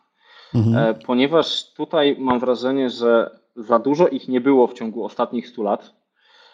Sposób zamawiania projektów jest podobny z małymi zmianami. A są idee, które mogą usprawnić i proces samej budowy, i proces projektowania, i doprowadzić do, do większej odpowiedzialności wszystkich podmiotów, które biorą w tym udział. Tak? Są e, pomysły na na przykład dzielenie się zyskiem poprzez trzy podmioty, które biorą, e, e, dwa, dwa podmioty, w trzy w tym jest projektantem, mhm. podmioty, które biorą udział przy projekcie budowlanym, tak? czyli kiedy pra zaczynamy pracować od samego początku razem, tak? czyli zamawiający z generalnym wykonawcą i z projektantem pracuje razem, a potem dzieli się zyskiem. Wydaje mi się, że ja słyszałem o dwóch takich projektach na świecie, mhm. jak na razie, bo to jest ciężkie do przełknięcia dla każdej ze stron często, bo to jest bardzo ryzykowne, ale jest to ciekawe. Ciekawym e, e, rozwiązaniem jest i prostszym chyba już e, w samym zarządzaniu budową jest prowadzenie rozwiązań, które działają właśnie w, w branży IT. tak, czyli pracy w sprintach, takich wyciągnięciu mhm. krótszych okresów, dzielenia ich na zadania i, i organizacji pracy pozwalającej na szybkie właśnie wychwytywanie ryzyk i szybkie poprawki i, i również szybkie zmiany w tym, co robimy, bo zmiana jest również częścią budownictwa, a o tyle trudniejszą, że ciężko jest przedstawić ścianę niż e, zmienić linijkę kodu. E, tego, to uważam, że, że mogłoby całkiem sensownie zadziałać, ale tutaj wchodzimy w kwestie kosztowe. W branży mhm. IT um, e, w branży IT zarządzanie projektem jest um, związane z tym często, jak są zbudowane zespoły, tak? Czyli mamy, mamy osoby, które pomagają innym w pracy poprzez e, szukanie ich barier i obalanie tych barier, czyli tak zwani Scrum Masterzy. E, tak, mhm. E, mam, mamy podział na osoby, które zajmują się w zasadzie tylko opisywaniem zadań. Nie, nie widzę w budżecie czegoś takiego na projektach budowlanych jeszcze. Mhm. Tak samo jak często nie widzę zewnętrznych, jakby odrębnych zespołów e, do zarządzania jakością, e, które również w IT są obecne. E, często, mimo tego, że programista sam musi testować swoją pracę, zazwyczaj jest ona testowana zewnętrznie przez osobę, której celem jest przetestowanie tej aplikacji, a nie celem jest wypuszczenie jej szybciej. Więc są, są pewne elementy, jakby w IT było to o tyle prostsze, że wszyscy siedzimy w biurze albo w, w swoich domach i piszemy na komputerach, E, jest to na pewno łatwiejsze do, do wdrożenia. Budżety są też zdecydowanie wyższe i, i e, jakby te zmiany zaczęły, jakby jest to na tyle świeża branża, że, że można było pójść szybciej w dobrym kierunku, e, mhm. przynajmniej w kierunku, który ja uważam za dobry, ale są to rozwiązania, zresztą jest nawet książka o, o z, z, właśnie skramie dla budownictwa, gdzie można przeczytać, jak by to mogło działać i jak to działa w niektórych mhm. zespołach. Także Uważam, że takie e, zmiany w managemencie są bardzo ciekawe, bo kwestie cyfryzacji, kwestie innowacyjnych materiałów są tylko kwestią czasu. E, mhm, I, jasne. I z tym czasem, wiesz co, chciałbym Cię zapytać o jeszcze ostatni aspekt. Mhm. Bo mówisz o tym, gdzie możemy pójść, jeżeli chodzi o same rozwiązania stosowane. E, w naszej rozmowie odbijamy się od czasu do czasu o tym, co tam panie w Emiratach.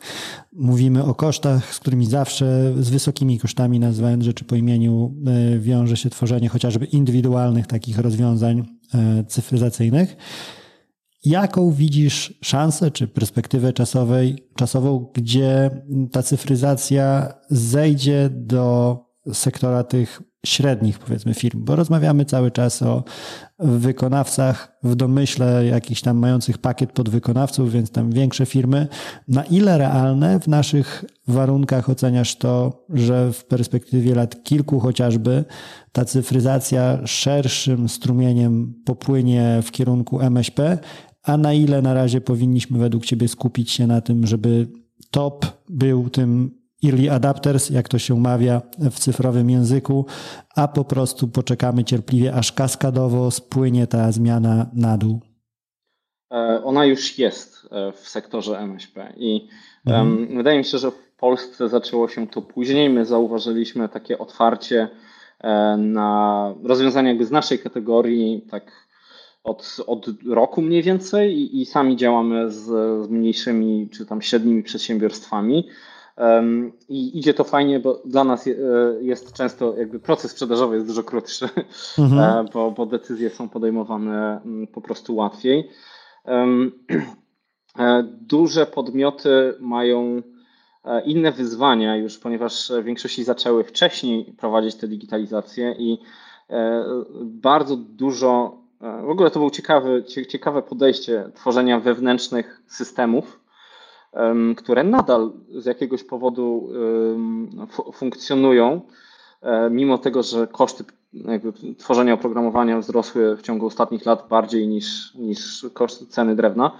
E, więc e, wydaje mi się, że mierzenie się już ze starym oprogramowaniem od strony dużych podmiotów jest wyzwaniem i próbą połączenia wszystkiego w całość.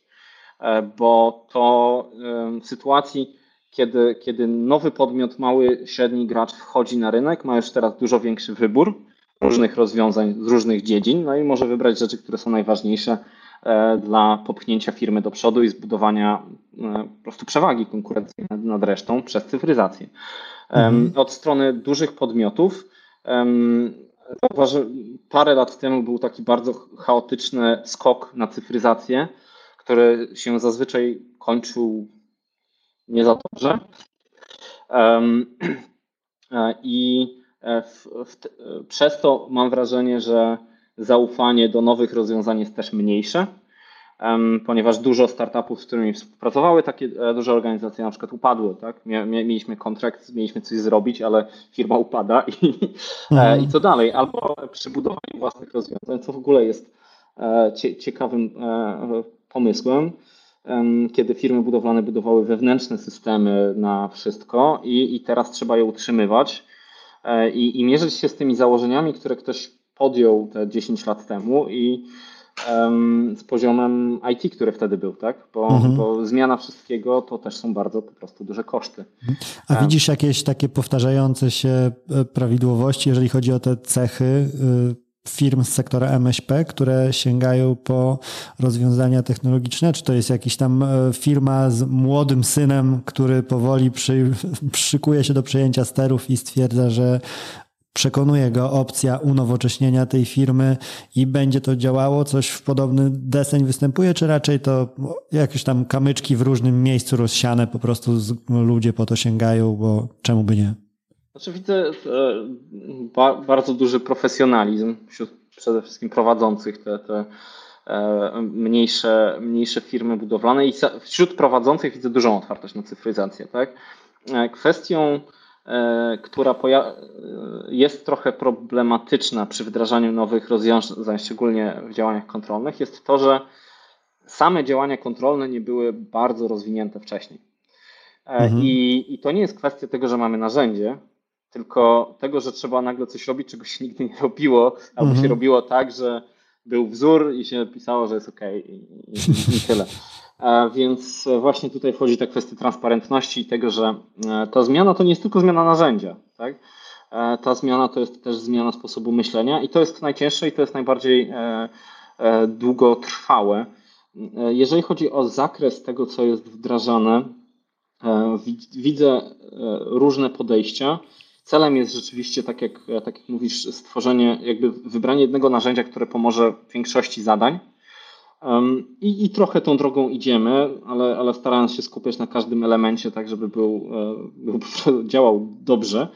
Um, no bo tak, takie kombajny do wszystkiego e, często, mhm. często nie są, w jakimś momencie zaczynają być wybrakowane. Także to, co się da zrobić, to, co my jesteśmy w stanie zrobić dobrze, to staramy się robić, a jeżeli nie, no to będziemy się integrować po prostu, czy integrujemy się już e, z zewnętrznym oprogramowaniem, no bo jednak ten przepływ informacji musi być.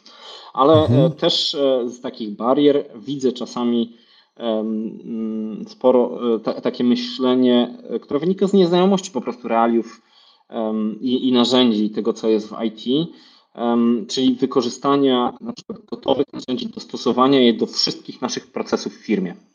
E, mhm. I tutaj to jest właśnie magiczne myślenie, które stoi za e, popularnością systemów ERP, e, które, których, które rzadko widzę wdrożone, wdrożone do końca, bo to jest niekończący mhm. się proces. Tak? Kiedy chcemy jednym narzędziem ogarnąć wszystkie rzeczy w firmie i czasami widzę coś takiego na przykład przy SharePoincie, że tym SharePointem mamy zrobić wszystko, co się dzieje w całej naszej organizacji. Ja mówię OK, tylko że to też się wiąże z kosztem. To, że jakby samo oprogramowanie jest tanie, e, to nie znaczy, że łatwo będzie e, je wdrożyć, ponieważ mhm. musimy sami przemyśleć, jak te procesy mają działać. Musimy w ogóle zrozumieć, jakie procesy mamy cyfryzować. E, I jakkolwiek czasami wydaje się, że w głowie wiemy, jak to ma działać, to przelanie tego na język oprogramowania nie jest proste. E, więc stworzenie e, jeszcze, czekam być może, jeżeli ktoś to posłucha e, i, i zrobił coś takiego, że odpowiedział na wszystkie swoje problemy oprogramowaniem, które po prostu dopasował do swoich możliwości. Proszę, żeby mi dał znać, bo chciałbym zobaczyć to, ten cud. Ale sam podchodził, próbowałem robić takie rzeczy kiedyś, kończyło się to wielomiesięcznymi zmaganiami z różnymi właśnie systemami tworzenia procesów i potem poprawkami. I ostatecznie było to bardzo mało efektywne. Dlatego mhm. wolę osobiście, sami też korzystamy właśnie z podzielonych oprogramowań, które są dobre w tym, co robią, ale się łączą z innymi. Także ta kwestia mhm. integracji jest jak najbardziej bardzo ważna. Idziemy w tę stronę, ale jest po prostu bardzo dużo dobrego oprogramowania, które jest w stanie odpowiedzieć na mój konkretny problem e, w sposób kompletny, bez mojego e, wielkiego zaangażowania w proces wdrożenia. Tak? Mhm. Okej, okay, wiesz co, i to jest dobry moment, e, żeby zebrać się do myśli ostatniej. Jeżeli mielibyśmy rozmawiać za lat trzy, powiedzmy, cztery, jakie byłoby dobre miejsce do tej rozmowy? Co, co by byłoby fajnie, gdyby zadziało się w tych kilku latach, żebyśmy siadając do, ponownie do tego tematu mogli stwierdzić, że poszliśmy w dobrym kierunku i możemy iść dalej? Sądzę, że ten e, element, który nam tu pokaże, to są wskaźniki produktywności na budowie. E, I, I sami obserwuję i widzę, że cyfryzacja wcale nie wpływa super pozytywnie i mam nadzieję, że to się zmieni. Druga rzecz to jest kwestia wypadkowości na budowie. I trzecia rzecz to jest właśnie kwestia tego, jak okoliczni mieszkańcy, jak budowy wpływają na nasze środowisko. Czy po prostu e, ten wpływ jest pozytywny. E, I wydaje mi się, że jeżeli będziemy zwracać uwagę na te trzy elementy e, i je monitorować i starać się je poprawiać, budownictwo również będzie bardziej dochodowe. E, to trzymajmy się tego, żebyśmy za lat kilka rozmawiając mogli odhaczyć sobie takie trzy krótkie checkpointy. To co, słyszymy się w 2025 i zobaczymy na ile wyszło. Dzięki wielkie za rozmowę i podzielenie się swoimi doświadczeniami. Jesteśmy umówieni. Dzięki. Dzięki za odsłuchanie tego odcinka. Jeżeli chcesz się ze mną skontaktować, możesz napisać na biuro małpa kancelariamroz.pl albo zadzwonić na 577 665 077. Znajdziesz mnie też w mediach społecznościowych. Na LinkedIn jako Łukasz Mróz, a na TikToku, Facebooku i Instagramie jako Prawnik na Budowie.